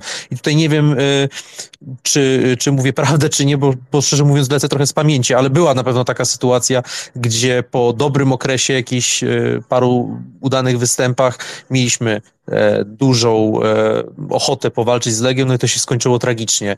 I jeszcze trochę tego boję, jak mam być szczery, że żeby ten mecz z Górnikiem nie był początkiem czegoś, takiej drogi w dół. No, ja nie chcę tego, oczywiście nikt z tego z nas nie chce, ale tutaj jest niesamowita praca przed sztabem, żeby ten zespół przez te dwa tygodnie przygotować mentalnie do takiego, e, do takiego wydarzenia, jakim jest ten mecz z Legią i żeby nie doszło do takiej sytuacji, czy na przykład kiedyś w, historycznie w meczu z Sevillą, gdzie też był cały stadion i też były jakieś powiedzmy przynajmniej nadzieję na to, żeby powalczyć po pierwszym spotkaniu, bo przecież pamiętamy, że e, walczyliśmy bardzo dobrze na stadionie w Sewilli i tylko szereg jakichś niefortunnych zdarzeń, czerwona kartka e, wtedy nam nie pozwoliły wywieźć w miarę dobrego rezultatu, no a potem przyszło to, co przyszło, czyli 0 do 5 i żadnych dyskusji w zasadzie nie było. Ja po prostu się e, trochę jednak mimo wszystko obawiam tego meczu. Nie, nie wiem, czy macie podobne podejście do tego, czy też nie uważacie, że mieliśmy jednak dużo szczęścia w ostatnich, e, powiedzmy, no, ostatnich kilku tygodniach, tak? Dzięki Michał za Twoje pytanie. Jeżeli ktoś chciałby odpowiedzieć, ktoś chciałby zabrać głos, to oczywiście e, śmiało, śmiało zapraszamy. Można to zrobić poprzez e, wyrażenie prośby o udostępnienie mikrofonu. Można też zadać pytanie w dyskusji pod postem z naszym, z naszym pokojem. Mm, nie wiem, czy ktoś chciałby nawiązać do tego, co powiedział Michał? Okej, okay, to, to, to ja w takim razie się zgłaszam do odpowiedzi. No, na pewno jest, jest taka obawa. Myślę, że przed każdym meczem była taka obawa, że mm, kiedyś ta seria musi się skończyć, bo no, to oczywiście byłoby niemożliwe, żeby Śląsk do końca sezonu wygrywał. Y, więc to kiedyś, kiedyś musiało się wydarzyć. Ja myślę, że najgorsze, najsmutniejsze y, w tej porażce jest, jest to, że Śląsk absolutnie na tę porażkę nie zasłużył. Śląsk był drużyną zdecydowanie lepszą, która stwarzała sobie o wiele więcej sytuacji bramkowych, oddawała więcej strzałów, była konkretniejsza, groźniejsza. Widać było, że mamy w drużynie indywidualności, które mogły, powinny przychylić szale zwycięstwa na naszą korzyść. Exposito poprzeczkę, Exposito przegrany, przegrany pojedynek sam na sam. E, Nauel, e, dwa przegrane pojedynki sam na sam, czyli nie mówimy, nie mówimy tutaj o jakichś tam e, byle jakich sytuacjach, tylko to były pojedynki sam na sam, które wygrał Bielica, zresztą chyba wybrany nawet do, do drużyny kolejki, z tego co widziałem, więc można powiedzieć, że Śląsk wykreował Bielicę do, do drużyny kolejki bramkarza, bramkarza Górnika. Ja zaryzykowałbym takie stwierdzenie, trochę druga strona medalu, o którym ty mówiłeś, Michał, że może będzie właśnie, właśnie wręcz odwrotnie, że może Śląsk, że może brak tego zwycięstwa trochę y, no, bardziej zmotywuje piłkarzy przed, przed meczem z Legią, że jednak y, no, nie wszystko w naszej drużynie wygląda tak, jakbyśmy chcieli, prawda? Bo do tej pory wszystko wygrywaliśmy, więc można powiedzieć, ok, wszystko jest fajnie, wszystko jest dobrze, dobrze nam idzie, więc dobrze trenujemy, dobrze jesteśmy przygotowani, dobrze sobie radzimy, a tutaj no, w momencie, kiedy mm, nie ma tego zwycięstwa, to pojawia się pewien trochę taki znak zapytania, że może powinniśmy dołożyć coś więcej, coś, coś jeszcze i, i może faktycznie wpłynie to dodatkowo mobilizująco na, e, na zawodników Śląska. Ja mam nadzieję, że, że taki będzie e, skutek e, tego, tego no całkowicie niestety niezasłużonego remisu. No jeszcze jak popatrzymy, gdzie jest górnik w tabeli, to to punkty, tym bardziej żal. Wydaje mi się, że punkty można tracić i czasem trzeba stracić. Każdy traci punkty. Tracił Widzew, jak wygrywał Mistrzostwo Polski bez porażki, tracił, e, tracił Arsenal, kiedy nie przegrywał meczu w sezonie, gdy zdobywał Mistrzostwo bez porażki. To jest oczywiste, to jest jakby w moim odczuciu normalne, że nawet w takich okolicznościach można te punkty stracić, gdzie powinno się wygrać teoretycznie, nie wiem, 5-1, a się remisuje. Natomiast to jest też kwestia tego, żeby wyciągnąć wnioski, chociażby nawet sam Jacek Magiera powinien wyciągnąć te wnioski, chociażby z meczu z Hapoelem Berczewa, y, kiedy my po świetnym, jednym z najlepszych meczów ostatnich lat z rywalem, wydaje mi się jednak na najwyższym poziomie, e, potrafiliśmy, no po prostu nie byliśmy chyba na tyle przygotowani mentalnie, żeby skoczyć na przykład na wyższy poziom, przeskoczyć jeszcze po prostu wyżej, bo jeżeli, okej, okay, fajnie, wygraliśmy 7 meczów z rzędu, to jest wielkie osiągnięcie ja tego absolutnie nie będę deprecjonować. I 8 meczów bez porażki mamy, straciliśmy jedną bramkę z gry teraz, zaś chodzi mi o to, żeby też wyciągnąć te wnioski pod kątem mentalnym, pod kątem przygotowania mentalnego, że nie wyjdziemy na kolejny mecz, Jacek Magiera przygotuje zespół tak, że będzie zmotywowany na tyle, żeby powalczyć z tą e, Legią, z tą Legią bardzo podrażnioną i to jest jakby tutaj umiejętność teraz Jacka Magiery, bo może Jacek Magiera właśnie wchodzi też na ten wyższy poziom i wprowadza ten Śląsk na wyższy poziom. Jeżeli rzeczywiście uda nam się powalczyć z Legią, nawet nie wygrywając tego meczu i zagrając bardzo dobre spotkanie ala z Górnikiem, to właśnie będzie świadczyło o tym, że Jacek Magiera też rozwinął się jako, jako motywator dalej kontynuując tą sferę mentalną, tak? Bo wtedy zabrakło właśnie przy meczach z Apoelem, przy tym historycznym meczu z Sevillą, przy meczach z Legią, które też napomniałem, wydaje mi się, że tej sfery mentalnej brakowało. I tam też był moment w lidze, kiedy Jacek Magiera nas prowadził, gdzie myśmy pojechali do Poznania na bardzo ważny mecz. Ja nie wiem, czy pamiętacie, ale myśmy przegrali 0-4 i od tego czasu wszystko praktycznie zaczęło, zaczęło jak efekt domina potoczyło się, bo potem przyszły porażki domowe e, wielokrotne. Pamiętam porażkę z Rakowem, pamiętam bardzo słaby mecz z Krakowią. E, potem już zwolnienie e, Jacka Magiery w rundzie wiosennej, to po prostu się wszystko posypało jak dumek z kart. I ja właśnie trochę się tego obawiam, bo wydaje mi się, że nasza kadra, mimo wszystko, mimo, mimo waleczności, mimo wielkiej klasy Erika Exposito, nie wiem, czy jest w stanie, czy jest zdolna do tego, aby przez 34 kolejki walczyć o Mistrzostwo Polski. No nie oszukujmy się, nie wiem, grając z takim piłkarzem z całym szacunkiem jak Mateusz Żukowski, ciężko będzie powalczyć o Mistrzostwo Polski. Nie ujmując absolutnie walczności Igorowi Macence, mimo wszystko tam są jeszcze jakieś braki piłkarskie. Są też braki w długości y, ławki rezerwowych. Mamy, y, mamy porządny pierwszy skład i jest brak y, tego wartościowego zmiennika w wielu przypadkach. I jednak kiedy patrzy się nawet na szerokość kadry Legii, czy, czy, czy szerokość kadry Rakowa bez kontuzji, e, no to ciężko w tym momencie, no oczywiście, że przychodzimy z innej zupełnie pozycji e, walki o utrzymanie przez wiele, wiele miesięcy do nagle walki w szerokiej czołówce, ale właśnie to jest taka obawa bardziej y, w moim odczuciu przed tym meczem z Legią. Taka, przynajmniej ja tak czuję. Oczywiście wybiorę się na ten mecz, bo, bo, bo e, każdy, wydaje mi się, z nas e, tutaj zgromadzonych w tym pokoju się wybierze, aczkolwiek ja nieuchronnie mam, mam jakoś taką, takie swoiste przeczucie, że to może się niestety źle skończyć. Oby nie, ale właśnie chodzi o to, żeby nawet w przypadku ewentualnej porażki ten zespół nie znalazł się ponownie na równi pochyłej, bo często się niestety zdarzało tak, że po takiej dużej, wysokiej porażce, ewentualnej wysokiej porażce, e, to wszystko potem siadało i e, no, kończyło się jak się kończyło.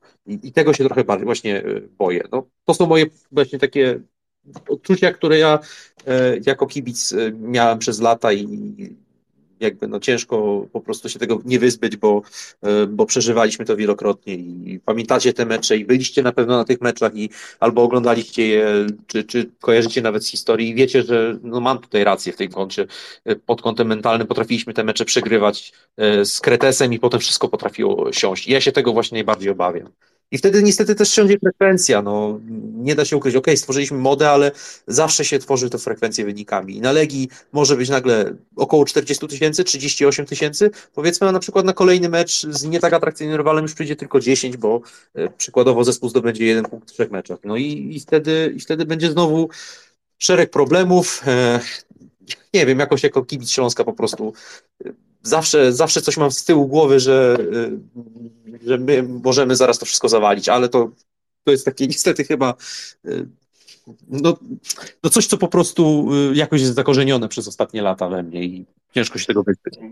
Bardzo ciekawy głos i ogólnie to, ja to wcale nie, ja teraz przerwę i chciałbym trochę optymizmu wpleść w takie myślenie dość typowe dla Śląska Wrocław, bo przede wszystkim myślę, że te obawy są zasadne, że Śląsk może podupaść mentalnie, ale chciałbym na pewno powiedzieć, że Jacek Magiera to jest dobry trener mentalny, który potrafił wyciągnąć już zawodników y, z różnych zawirowań kariery, bo chociażby Matias Nauel-Lejwa to jest idealny przykład na to, że ten piłkarz został odbudowany przez Jacka Magierę na przestrzeni tej pracy w Śląsku Wrocław, czy też Erik Exposito, który znowu został tak wyciągnięty do góry, można powiedzieć, i ta jego forma rośnie. I przede wszystkim Śląsk też potrafi grać z zespołami, które są wyżej notowane. Śląsk potrafi grać defensywnie i to jest taki, wydaje mi się, że w tym sezonie nominalny styl gry Śląska i widzieliśmy to, czy to w meczu właśnie z Pogonią wygranym, czy to z Lechem. Oczywiście to nie są jakieś takie bardzo duże argumenty, ale myślę, że można to jakoś wypośrodkować i dać szansę trenerowi Magierze i zespołowi na to, żeby pomyśleć trochę pozytywnie, optymistycznie i popatrzeć na to z takim optymizmem właśnie.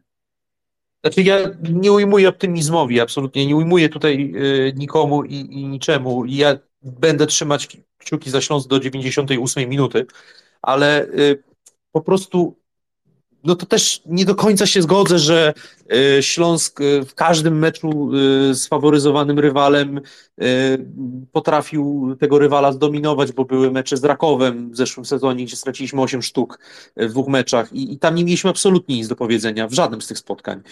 Myśmy przegrywali 0-4, mogliśmy przegrać 0-7 i, i taka jest, taki był fakt. Oczywiście zespół był w zupełnie innym miejscu.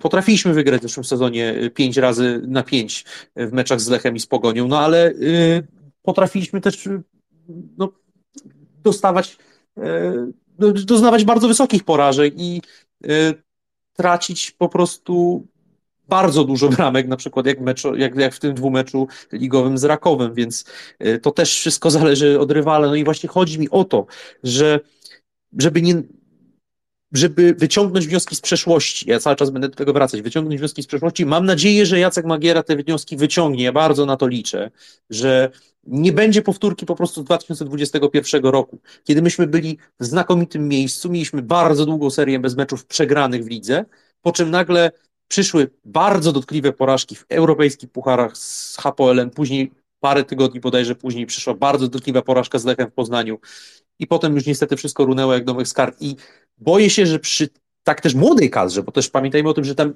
my nie mamy wielu doświadczonych zawodników, my nie mamy niesamowitych wyjadaczy ligowych. Owszem, jest grupa e, zawodników doświadczonych, ale to są też w gruncie rzeczy zawodnicy młodzi, którzy też dopiero pozna, poznają piłkę nożną, uczą się tej piłki nożnej, też nie zdążyli jeszcze odpowiednich, odpowiedniej ilości meczów przegrać i rozegrać. Nie wiem, jak Incze, jak, jak e, Macenko, jak Bejger. E, to nie są wszystko, wszystko piłkarze wybitnie doświadczeni. I też e, mus, musimy po prostu pamiętać o tym, że nawet jeżeli się zdarzy porażka, żeby później nie doszło do takiego efektu domina, żeby to wszystko nie runęło, żeby e, nie runęła cała znakomita atmosfera, która została zbudowana przez, przez nas, e, bo wydaje mi się, że możemy mówić tutaj jako społeczność, że zbudowaliśmy tą atmosferę, bo też chciałem bardzo jako, jako kibic wieloletni oddać wielu Twitterowiczom i, i wielu osobom, które są tutaj osob, obecne w tym pokoju, że wykonują fantastyczną e, taką pracę za darmo, krótko mówiąc, taki wręcz wolontariat e, na rzecz klubu i, i, pięknie piszą i też kontrują często nam nieprzychylne media e, w postaci niektórych e, stron internetowych, które e, wypowiadają się o Śląsku jako efemerydzie, mówią Wiśle Płock nieustannie i przypominają tu Wisłę i jak mantra w zasadzie pojawia się ten komentarz Wisła Płock, Wisła Płock e, spadła, spadła, spadła, no ale my nie jesteśmy Wisłą Płock. E, I ja, ja chciałem też tym osobom podziękować, ale mówię, żebyśmy po prostu nie doszli do momentu, w którym będziemy mieli ten efekt domina, bo ten efekt domina zdarzał się w przeszłości straszliwie często. Po prostu musimy przełamać to trochę jako, nie jako taką klątwę, tak, też, że że to jest też po części jakaś taka klątwa e, Jacka Magiery, bo, bo on też miał problemy z Legią chociażby, tak? Tam też w jego karierze dochodziło do wielu momentów, kiedy znakomicie wychodzi mu mecz za meczem, mecz za meczem. Liga Mistrzów z Legią, tak? Yy, gra w Lidze Europy później, możliwość gry w Lidze Europy po e, zdobycie Mistrzostwa Polski w przekonywującym stylu. E, później natomiast przychodzą jedna porażka, druga porażka, to się później pociągnęło lawinowo. Zresztą chyba z tego co pamiętam Jacek Magiera został zwolniony po meczu ze Śląskiem, więc to jest też znamienne, ale e, po prostu musimy pamiętać o tym, żeby się też nie odwracać, że e, chociaż ja też wylałem wiele gorzkich słów na początku sezonu, bardzo krytykowałem e, zarówno pana dyrektora sportowego, jak i wiele ruchów ja sam krytykowałem osobiście. Uważałem, że głównie słowa, a nie czyny, natomiast y, wydaje mi się, że ja też muszę się troszeczkę uderzyć w pierś i przeprosić e, za, za moje słowa krytyczne w stosunku do, do zarządu, bo jak się okazuje, praca, która tutaj zostaje i jest cały czas wykonywana, to jest praca niezwykle wartościowa i e, są pozytywne. Natomiast ja cały czas będę też dorzucać tutaj do, do ogródka kamyczki i wydaje mi się, że niektóre transfery są po prostu już na tym etapie można stwierdzić nietrafione i też trzeba to stwierdzić wprost i, i głośno, bo w moim odczuciu transfer Camerona jest na przykład takim taką, według mnie klęską, po prostu klęską. To jest zły transfer. No Śląsk nie ma szczęścia, jeżeli chodzi o tych bocznych obrońców. E, teraz właśnie wymieniłeś Camerona, wcześniej można wymienić Wiktora Garcia, który też e, no, wiemy, jakiego przygoda w Śląsku się zakończyła. E, wcześniej, nie wiem, Guillermo Cotunio na przykład, którego też szybko, szybko Śląsk pożegnał, więc faktycznie, jeżeli chodzi o tych bocznych obrońców, jest problem, dlatego trzeba czasami się ratować Patrykiem Janasikiem na lewej stronie, Łukaszem Bejgerem na prawej obronie, chociaż wiemy, że on bardziej woli grać na środku obrony, czy jako ten półprawy.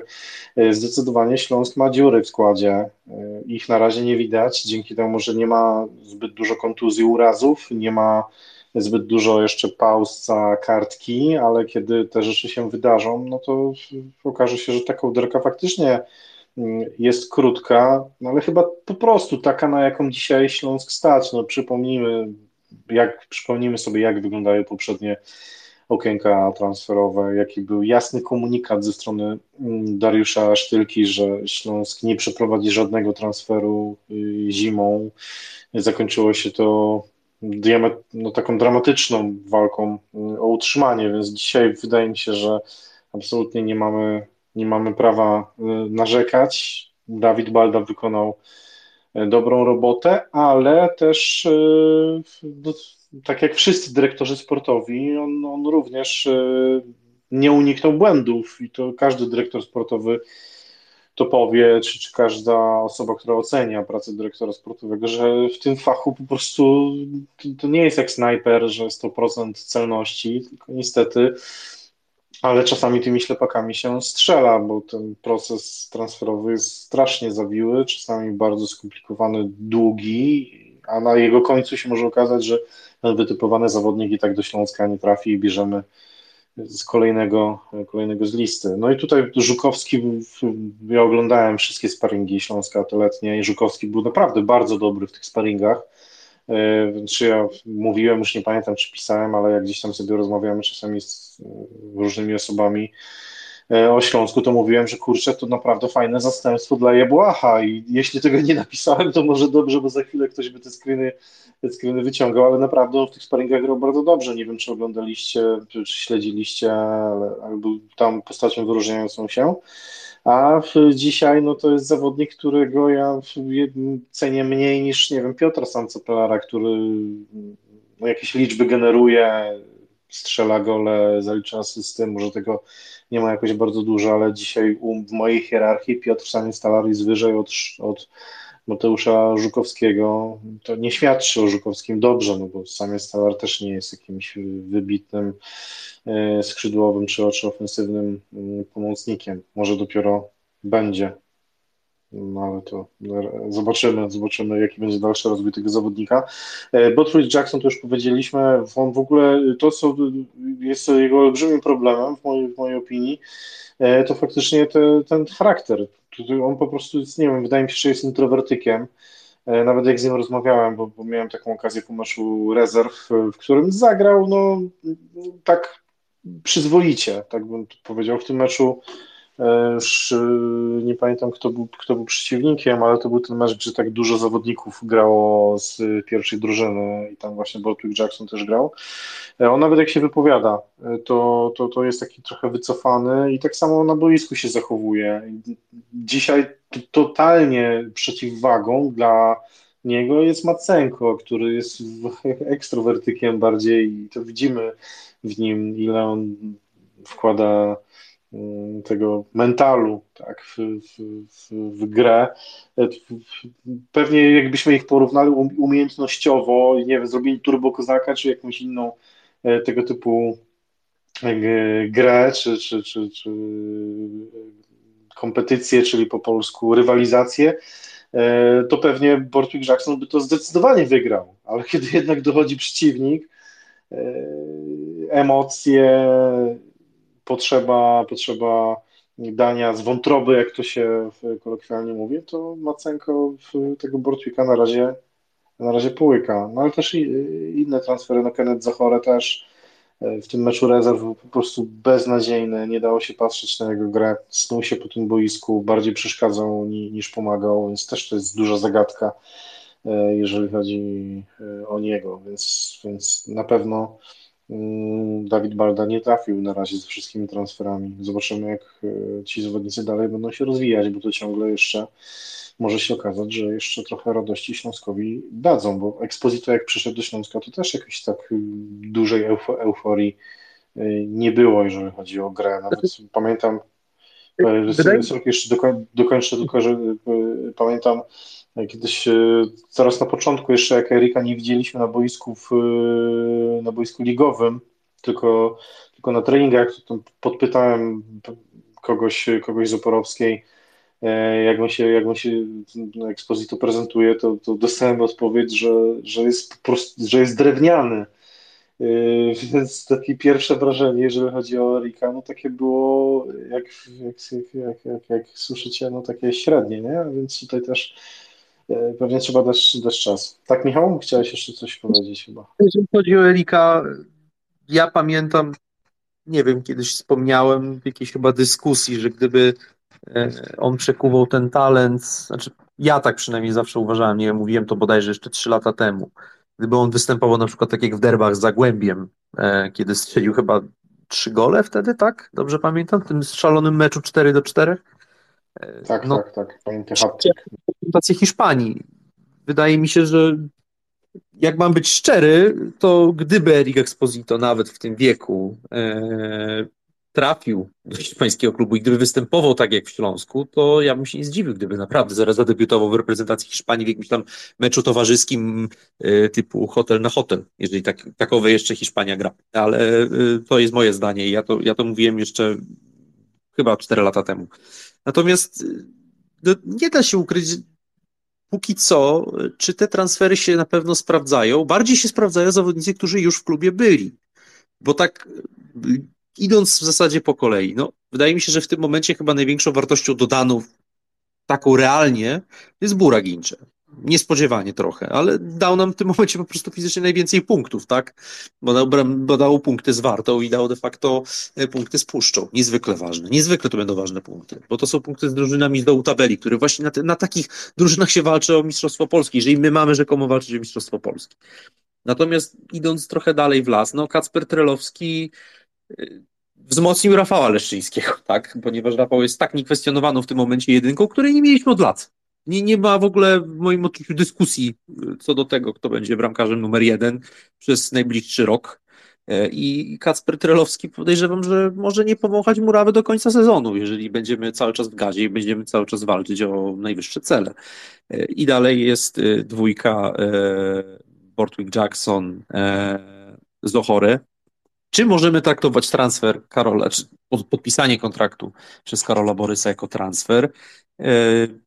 Nie, no, wydaje mi się, że nie, ale Karol nie robi tego progresu.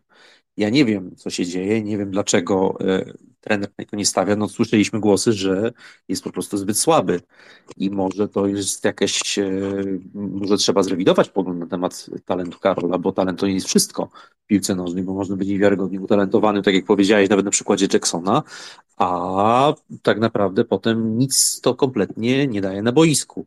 I trochę się zaczynam od tego Karola naszego obawiać, że to może być wielki niewypał.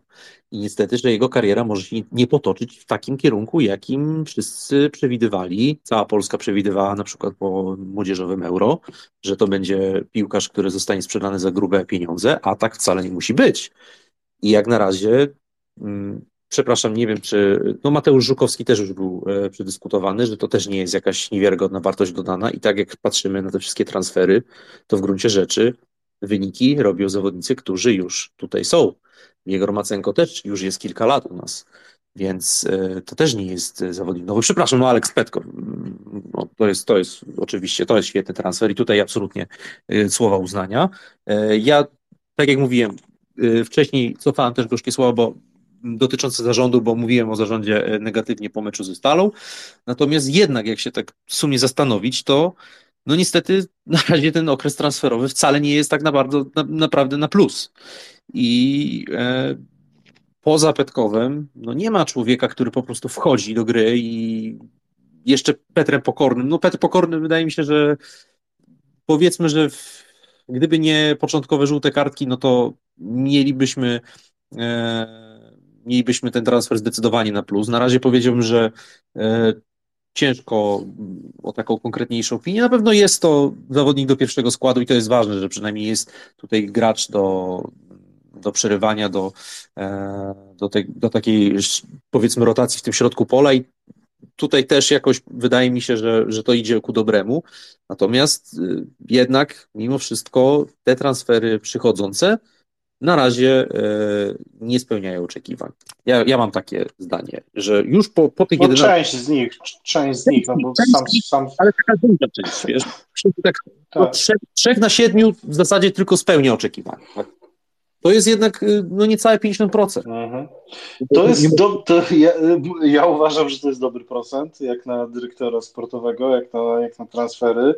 Jeśli my ten procent utrzymamy, to myślę, że to, to będzie ok, ale oczywiście to wiadomo, możesz mieć, możesz mieć inną opinię.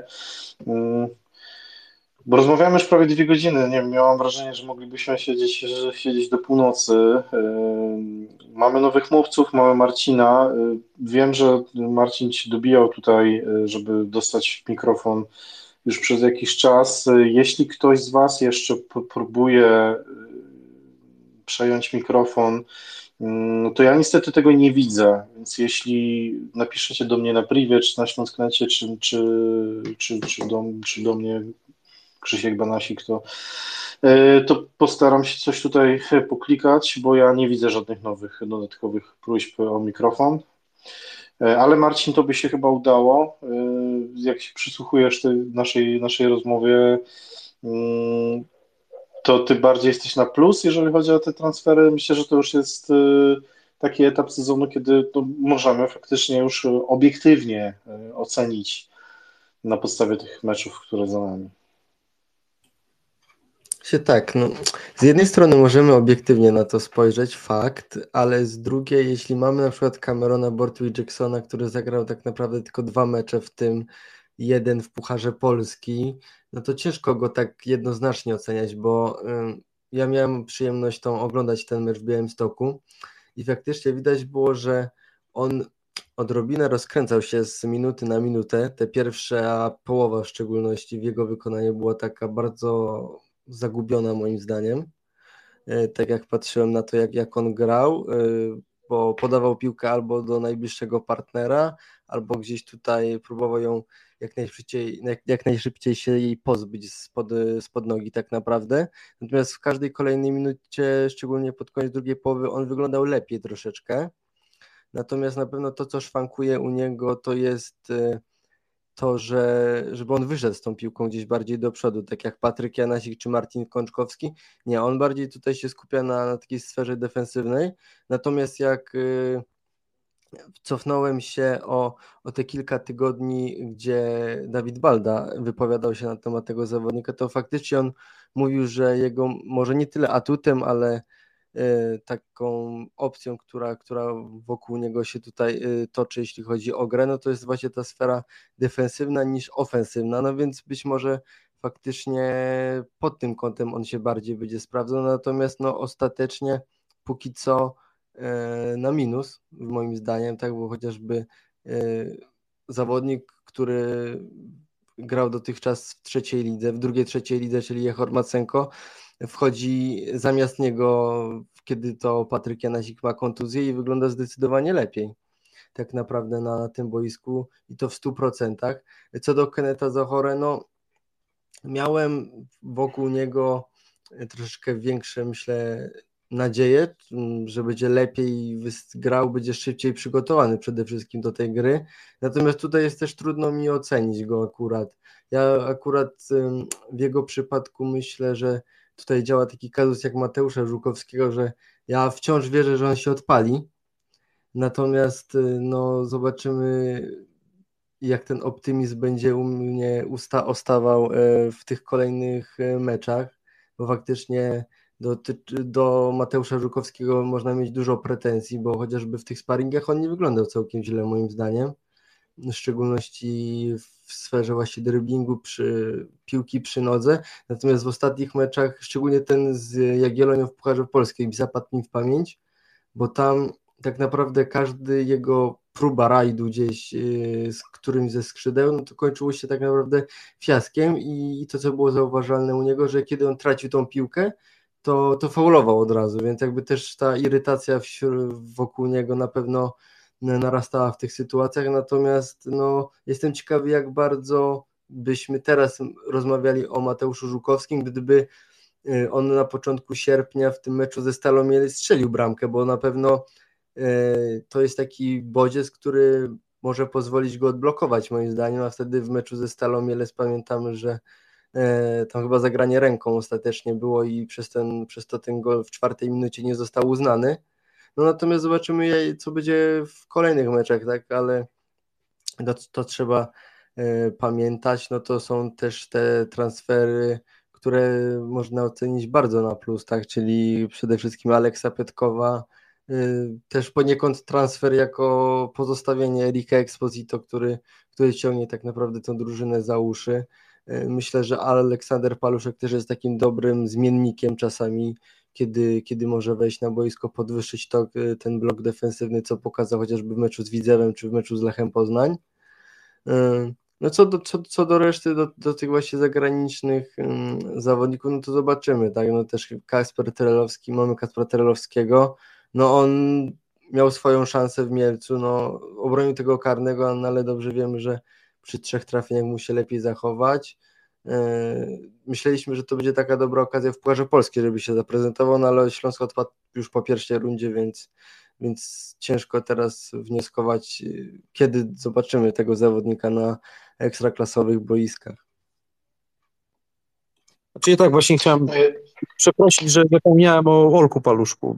Bo tak, przepraszam, kompletnie jakoś wyleciał mi z głowy. No i Daniel Łukasik, nasz wrocławski John Evans, taki, chociaż nie wraca do klubu, ale w podobnych okolicznościach podpisany, tak.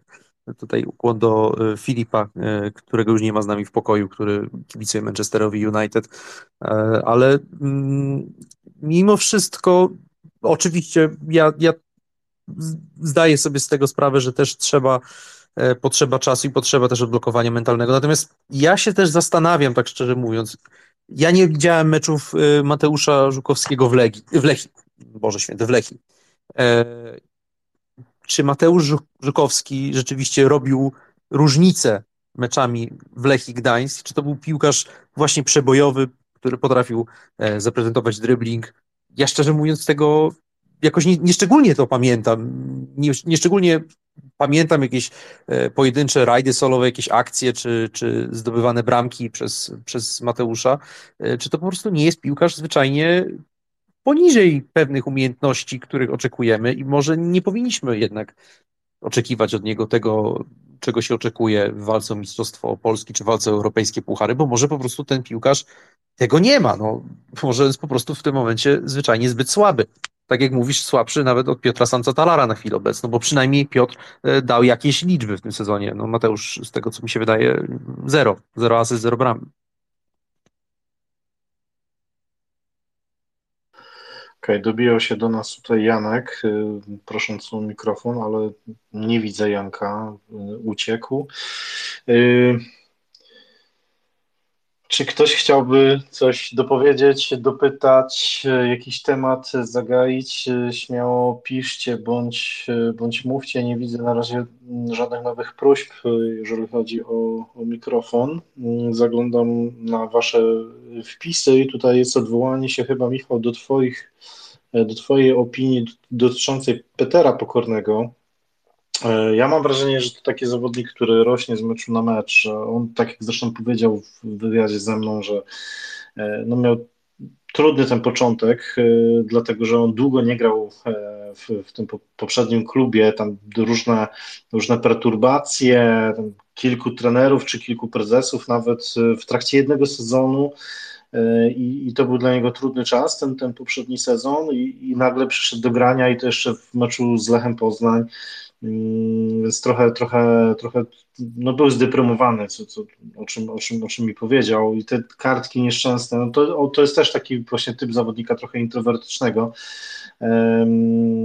Jego to też dodatkowo zdeprymowało. Natomiast widać, y, że, że to jest piłkarz, który ma wysokie umiejętności, przede wszystkim w odbiorze piłki. On, on, on myślę, że dobrze czyści e, ten środek pola i, i robi to mądrze poza tymi żółtymi kartkami, wiemy, ale to były też mądre decyzje, te, te dwie żółte kartki, prawda, kiedy, e, kiedy faulował w sytuacjach, w których rywal no, tworzył sobie naprawdę groź, groźną akcję, więc to, to też dla mnie to było mądre e, zachowanie. E, nie wiem, czy pamiętacie teraz w meczu z Górnikiem Zabrze, mm, to Peter Pokorny chyba mógłby zaliczyć asystę przy, mm, przy tej akcji Erika Exposito, kiedy Exposito wpadł w pole karne tam dwóch, trzech obrońców y, było i Ekspozycja sobie z nimi poradził, ale z Bielisą już nie. To wydaje mi się, że Pokorny właśnie pokazał takie fajne podanie otwierające. Y, Pokorny też właśnie mi powiedział w, w, tym wywiadzie, że jemu brakuje liczb, że on czuje, że chciałby wejść na ten wyższy poziom, jeżeli chodzi o liczbę asysty. Gole to już w ogóle on bardzo mało tej goli mm, strzela. Adam, dorwałeś się do mikrofonu chyba. Chyba, że Michał chciałbyś to coś... Yy, włączyłem szyb, się... Szybko riposta. Włączyłem się na sekundkę, bo myślałem, że mówisz o tym ciasteczku Petra Szwarca z początku drugiej połowy do Matiasa. To, no, to Nawel, to Nawel nie wykorzystał tej okazji, tak. Znaczy środkowi no pomocnicy naprawdę dużo dawali, nie?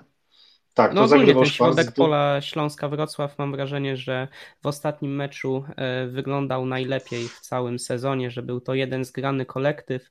E, ta, e, ta trójka Olsen, Pokorny i Szwarc świetnie się uzupełniali i widać tą współpracę było na boisku. Praktycznie zamknęli całkowicie ten sektor dla, dla górników, no i fajnie ta współpraca wyglądała.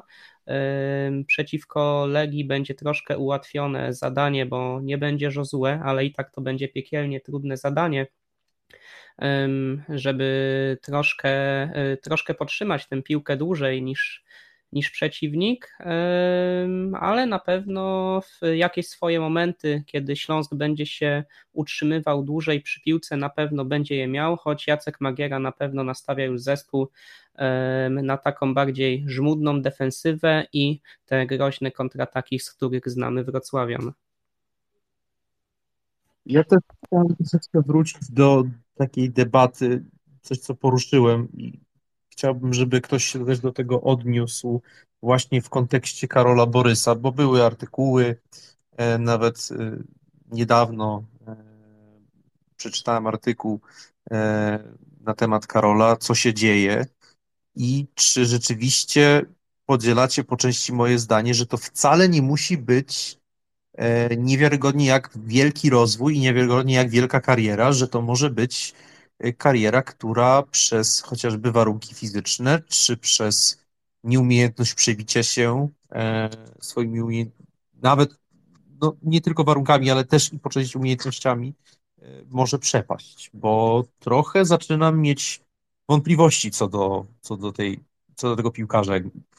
Jeżeli przyjdzie oczywiście jego czas, no to przyjdzie, krótko mówiąc, ale e, mam wrażenie, że e, trochę to zaczyna stać w miejscu i że trochę to wszystko mocno spowolniło i że wcale tam nie musi być takiej wielkiej kariery, jaka jest wieszczona. A to jest moje osobiste zdanie. Chciałbym się mylić. I czy ktoś podziela, czy też się ze mną nie zgadza? To ja, ja, ja szybko odpowiem, że to zdecydowanie nie musi być wielka kariera. To już my w Śląsku takich y, sytuacji My takie sytuacje pamiętamy, kojarzymy, no nie wiem, Sebastian Berger, król strzelców Centralnej Ligi Juniorów, ja wiem, że to zupełnie inny typ piłkarza, inny przykład, ale jednak to było trochę tych zawodników, o których mówiliśmy, pisaliśmy, że są utalentowani, a dzisiaj tych wychowanków tak naprawdę nie mamy w, już nie mówię o zachodnich klubach, ale, ale nawet w najlepszych klubach w, w ekstraklasie. Na poziomie centralnym ich jest kilku tak naprawdę, łącznie z Kamilem Bilińskim, wiecznie żywym.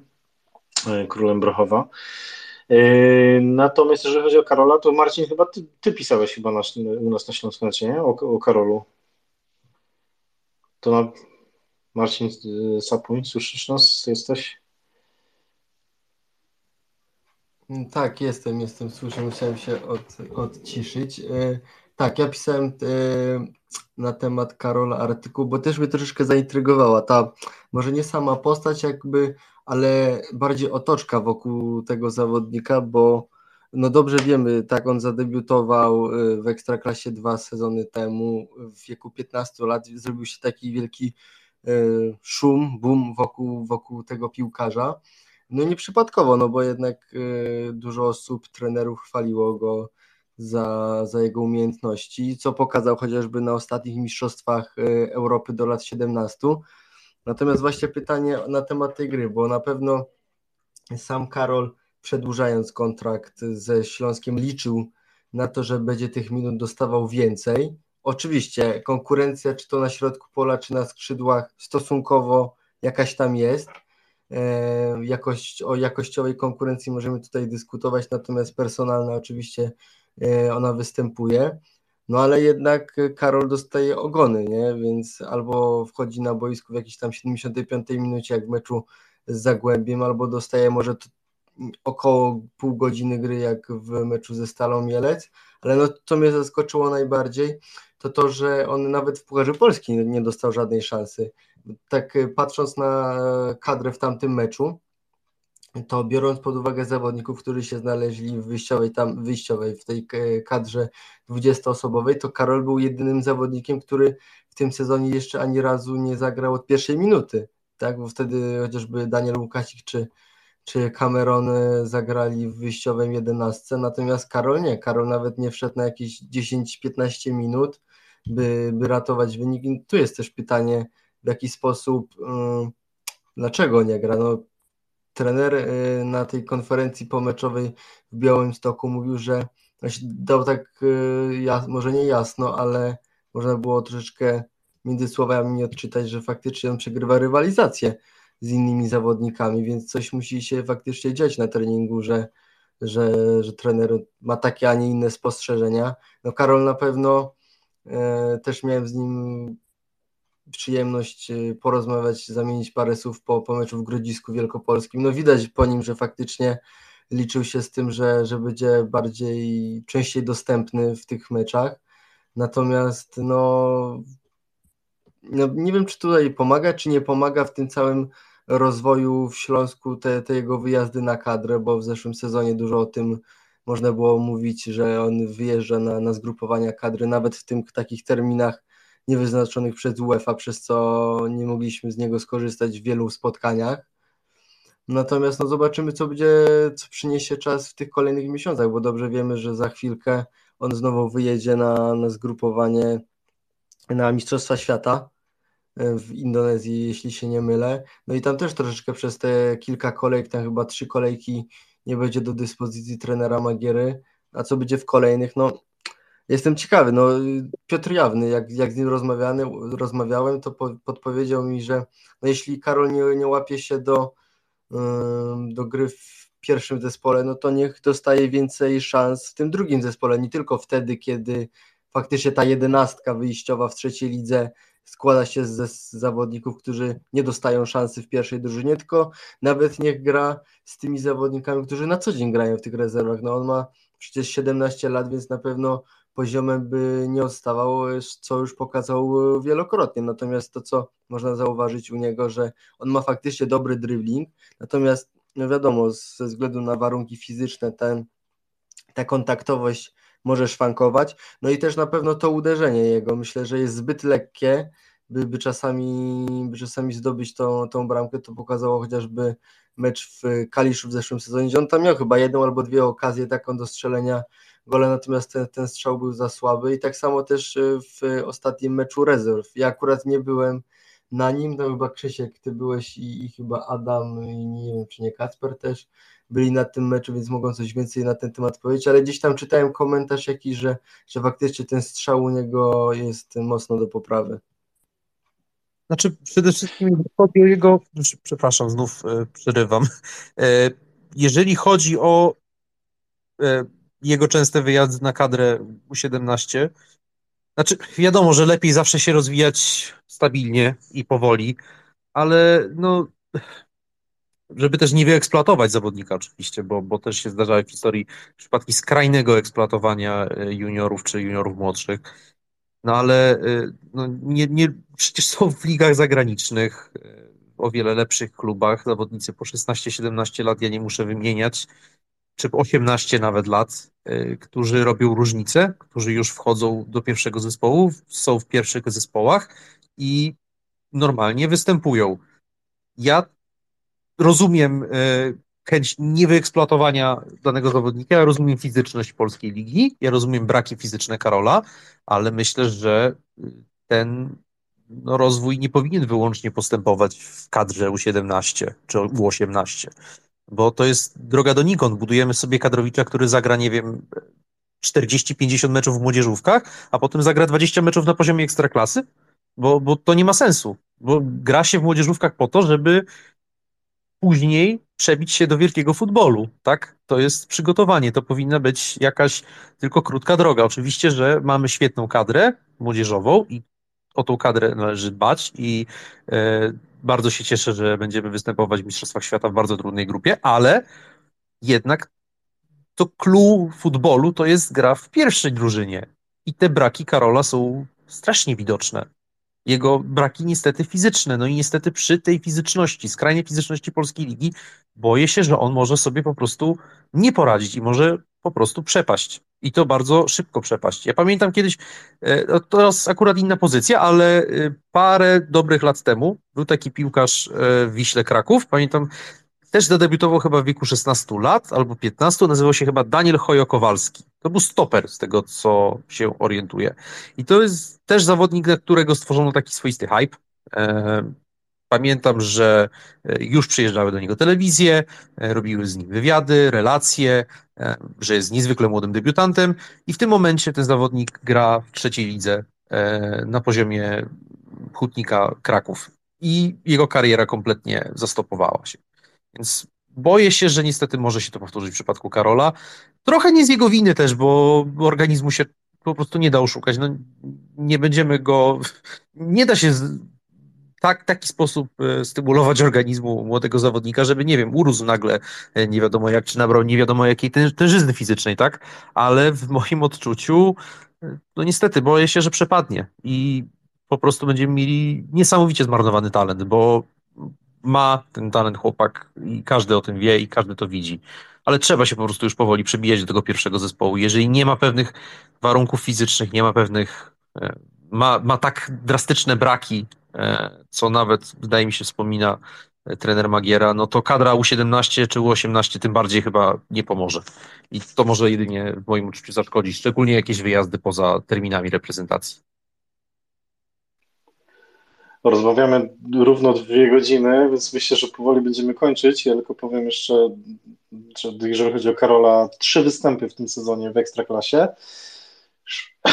Przepraszam, 63 minuty e, tylko e, na boisku. Myślę, że jak na tak młodego zawodnika to, to, to jest e, za mało. W dodatku tak utalentowanego, bo tak przecież o nim ciągle mówimy i ma to oczywiście swoje uzasadnienie. Widzieliśmy w meczach kadry, że, że faktycznie no jest to postać nietuzinkowa. Natomiast ja byłem właśnie też na tym meczu rezerw, którym Karol grał ostatnio. To był mecz przy Oporowskiej z Gwarkiem Tarnowskiej Góry, tam 63 minuty Karola i on tam niestety się niczym nie wyróżniał na tle trzecioligowego zespołu, czy to czwarty poziom rozgrywkowy i to w dodatku zespołu z dolnych rejonów tabeli, więc oczywiście to Karol próbował robić to, z czego go znamy, czyli taki dribbling, krótkie prowadzenie piłki, ale to po prostu było nieefektywne, to po prostu się nie sprawdzało i na dzisiaj E, Karol, można powiedzieć, w jakimś sensie odbija, odbija się od ściany, bo okazuje się, że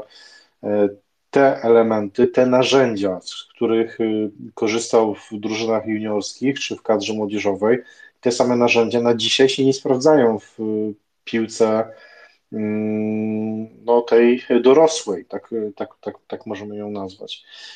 Ja bardzo ufam trenerowi Magierze, dlatego że on też jako były piłkarz, ale też jako trener już z dużym doświadczeniem, e, też człowiek, który no, jest wychowankiem, e, można powiedzieć, e, jeżeli chodzi o myśl szkoleniową, tak, wychowankiem Legii Warszawa, która wychowała wielu dobrych piłkarzy, to ja mam nadzieję, że, że trener faktycznie tutaj, że ufam temu, że trener wie, co robi i wie, jak tego zawodnika poprowadzić, zmotywować, zbudować, nie tylko piłkarsko, ale też mentalnie, żeby on potrafił E, przełożyć swoje, swój duży talent na mm, już te dorosłe boiska.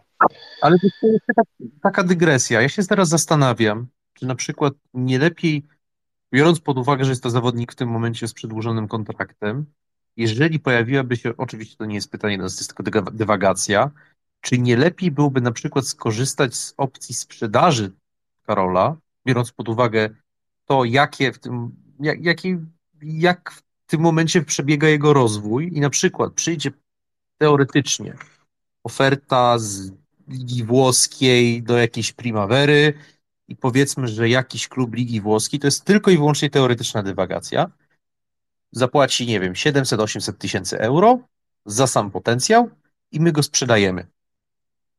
Ja się zastanawiam, czy w tym momencie to nie byłoby na przykład lepsze rozwiązanie biorąc pod uwagę fakt, że na pewno po przedłużeniu kontraktu, ja nie wierzę, że, e, bo mówiło się o tym, że te negocjacje były bardzo trudne. Mówił o tym Dawid Balda, że to były bardzo długie negocjacje, że udało nam się go przedłużyć, że to jest, uważam to za sukces, ale czy w tym momencie nawet sprzedaż tego potencjału, który wcale się nie musi rozwinąć, nie będzie lepszą decyzją. Ja się, mi się wydaje, że biorąc pod uwagę to, co widzimy, jeżeli nie dojdzie do jakiejś nagłej poprawy tych, nie wiadomo, czy dojdzie, bo na przykład może dojść do takiej sytuacji, że e, Karol e, nie pojawi się do końca tego roku na boisku w Ekstraklasie, bo tak jak mówisz, są Mistrzostwa Świata i, i on odpuści parę ostatnich kolejek, bo e, po prostu jest w tym momencie zbyt słaby i czy nie lepiej po prostu będzie go zwyczajnie sprzedać, patrzeć na politykę klubu, nie patrzeć tylko i wyłącznie na indywidualność, tak,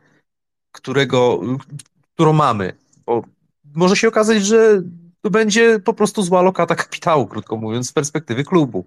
Bo trzeba też patrzeć na to niestety z perspektywy finansowej, że może czasem lepiej będzie po prostu kogoś sprzedać za te 4 miliony złotych, bo potem za przykładowo dwa lata obudzimy się z ręką w nocniku i będzie to zawodnik do rezerw, który odejdzie na przykład do GKS-u Katowice za 100 tysięcy. Ja w tym momencie chyba bym przyjął taką ofertę. Po prostu poczekałbym do końca roku na przykład tego, albo jeszcze kilka miesięcy, na przykład poczekał do zimowego okienka transferowego i kto wie, czy jeżeli w ogóle pojawiłaby się jakaś oferta, to czym nie wypadałoby z niej skorzystać. Takie jest moje zdanie. Na, na chwilę obecną tak to wygląda. No właśnie, to są te pytania, które musi sobie klub odpowiedzieć. I to, to, to nie jest proste, nie? To nie jest łatwe podjąć taką, taką decyzję, bo tutaj trochę się bawimy we wróżbitów prawda? Czy sprzedać go teraz, czy, czy jeszcze poczekać? Może go sprzedamy y, za więcej? To są naprawdę trudne decyzje. Nie zazdroszczę. No ale cóż, jak y, chce się być dyrektorem sportowym czy prezesem, no to trzeba umieć takie decyzje podejmować i brać też za nie odpowiedzialność. Zobaczymy, jakie będą decyzje w sprawie Karola Borysa, a w międzyczasie użytkownik X9 napisał nam tutaj w nitce pod naszym pokojem oświadczenie, czy wkleił nam oświadczenie stadionu śląskiego, e, bo przypomnijmy, że no wydawało się, że będzie piękne piłkarskie święto na Stadionie Śląskim i to kibice Śląska Wrocław będą tymi pierwszymi, e, którzy zasiądą na sektorze gości e, na Stadionie Śląskim, na którym ponownie zagra, zagra ruch Chorzów. I Stadion Śląski publikuje tutaj oświadczenie, w którym pisze, że ze zdziwieniem przyjęliśmy informację, mm, i zrobimy wszystko, co w naszej mocy, aby jak najszybciej umożliwić kibicom gości udział w zaplanowanych meczach, co pozwoli na organizację spotkań piłkarskich we wspaniałej atmosferze.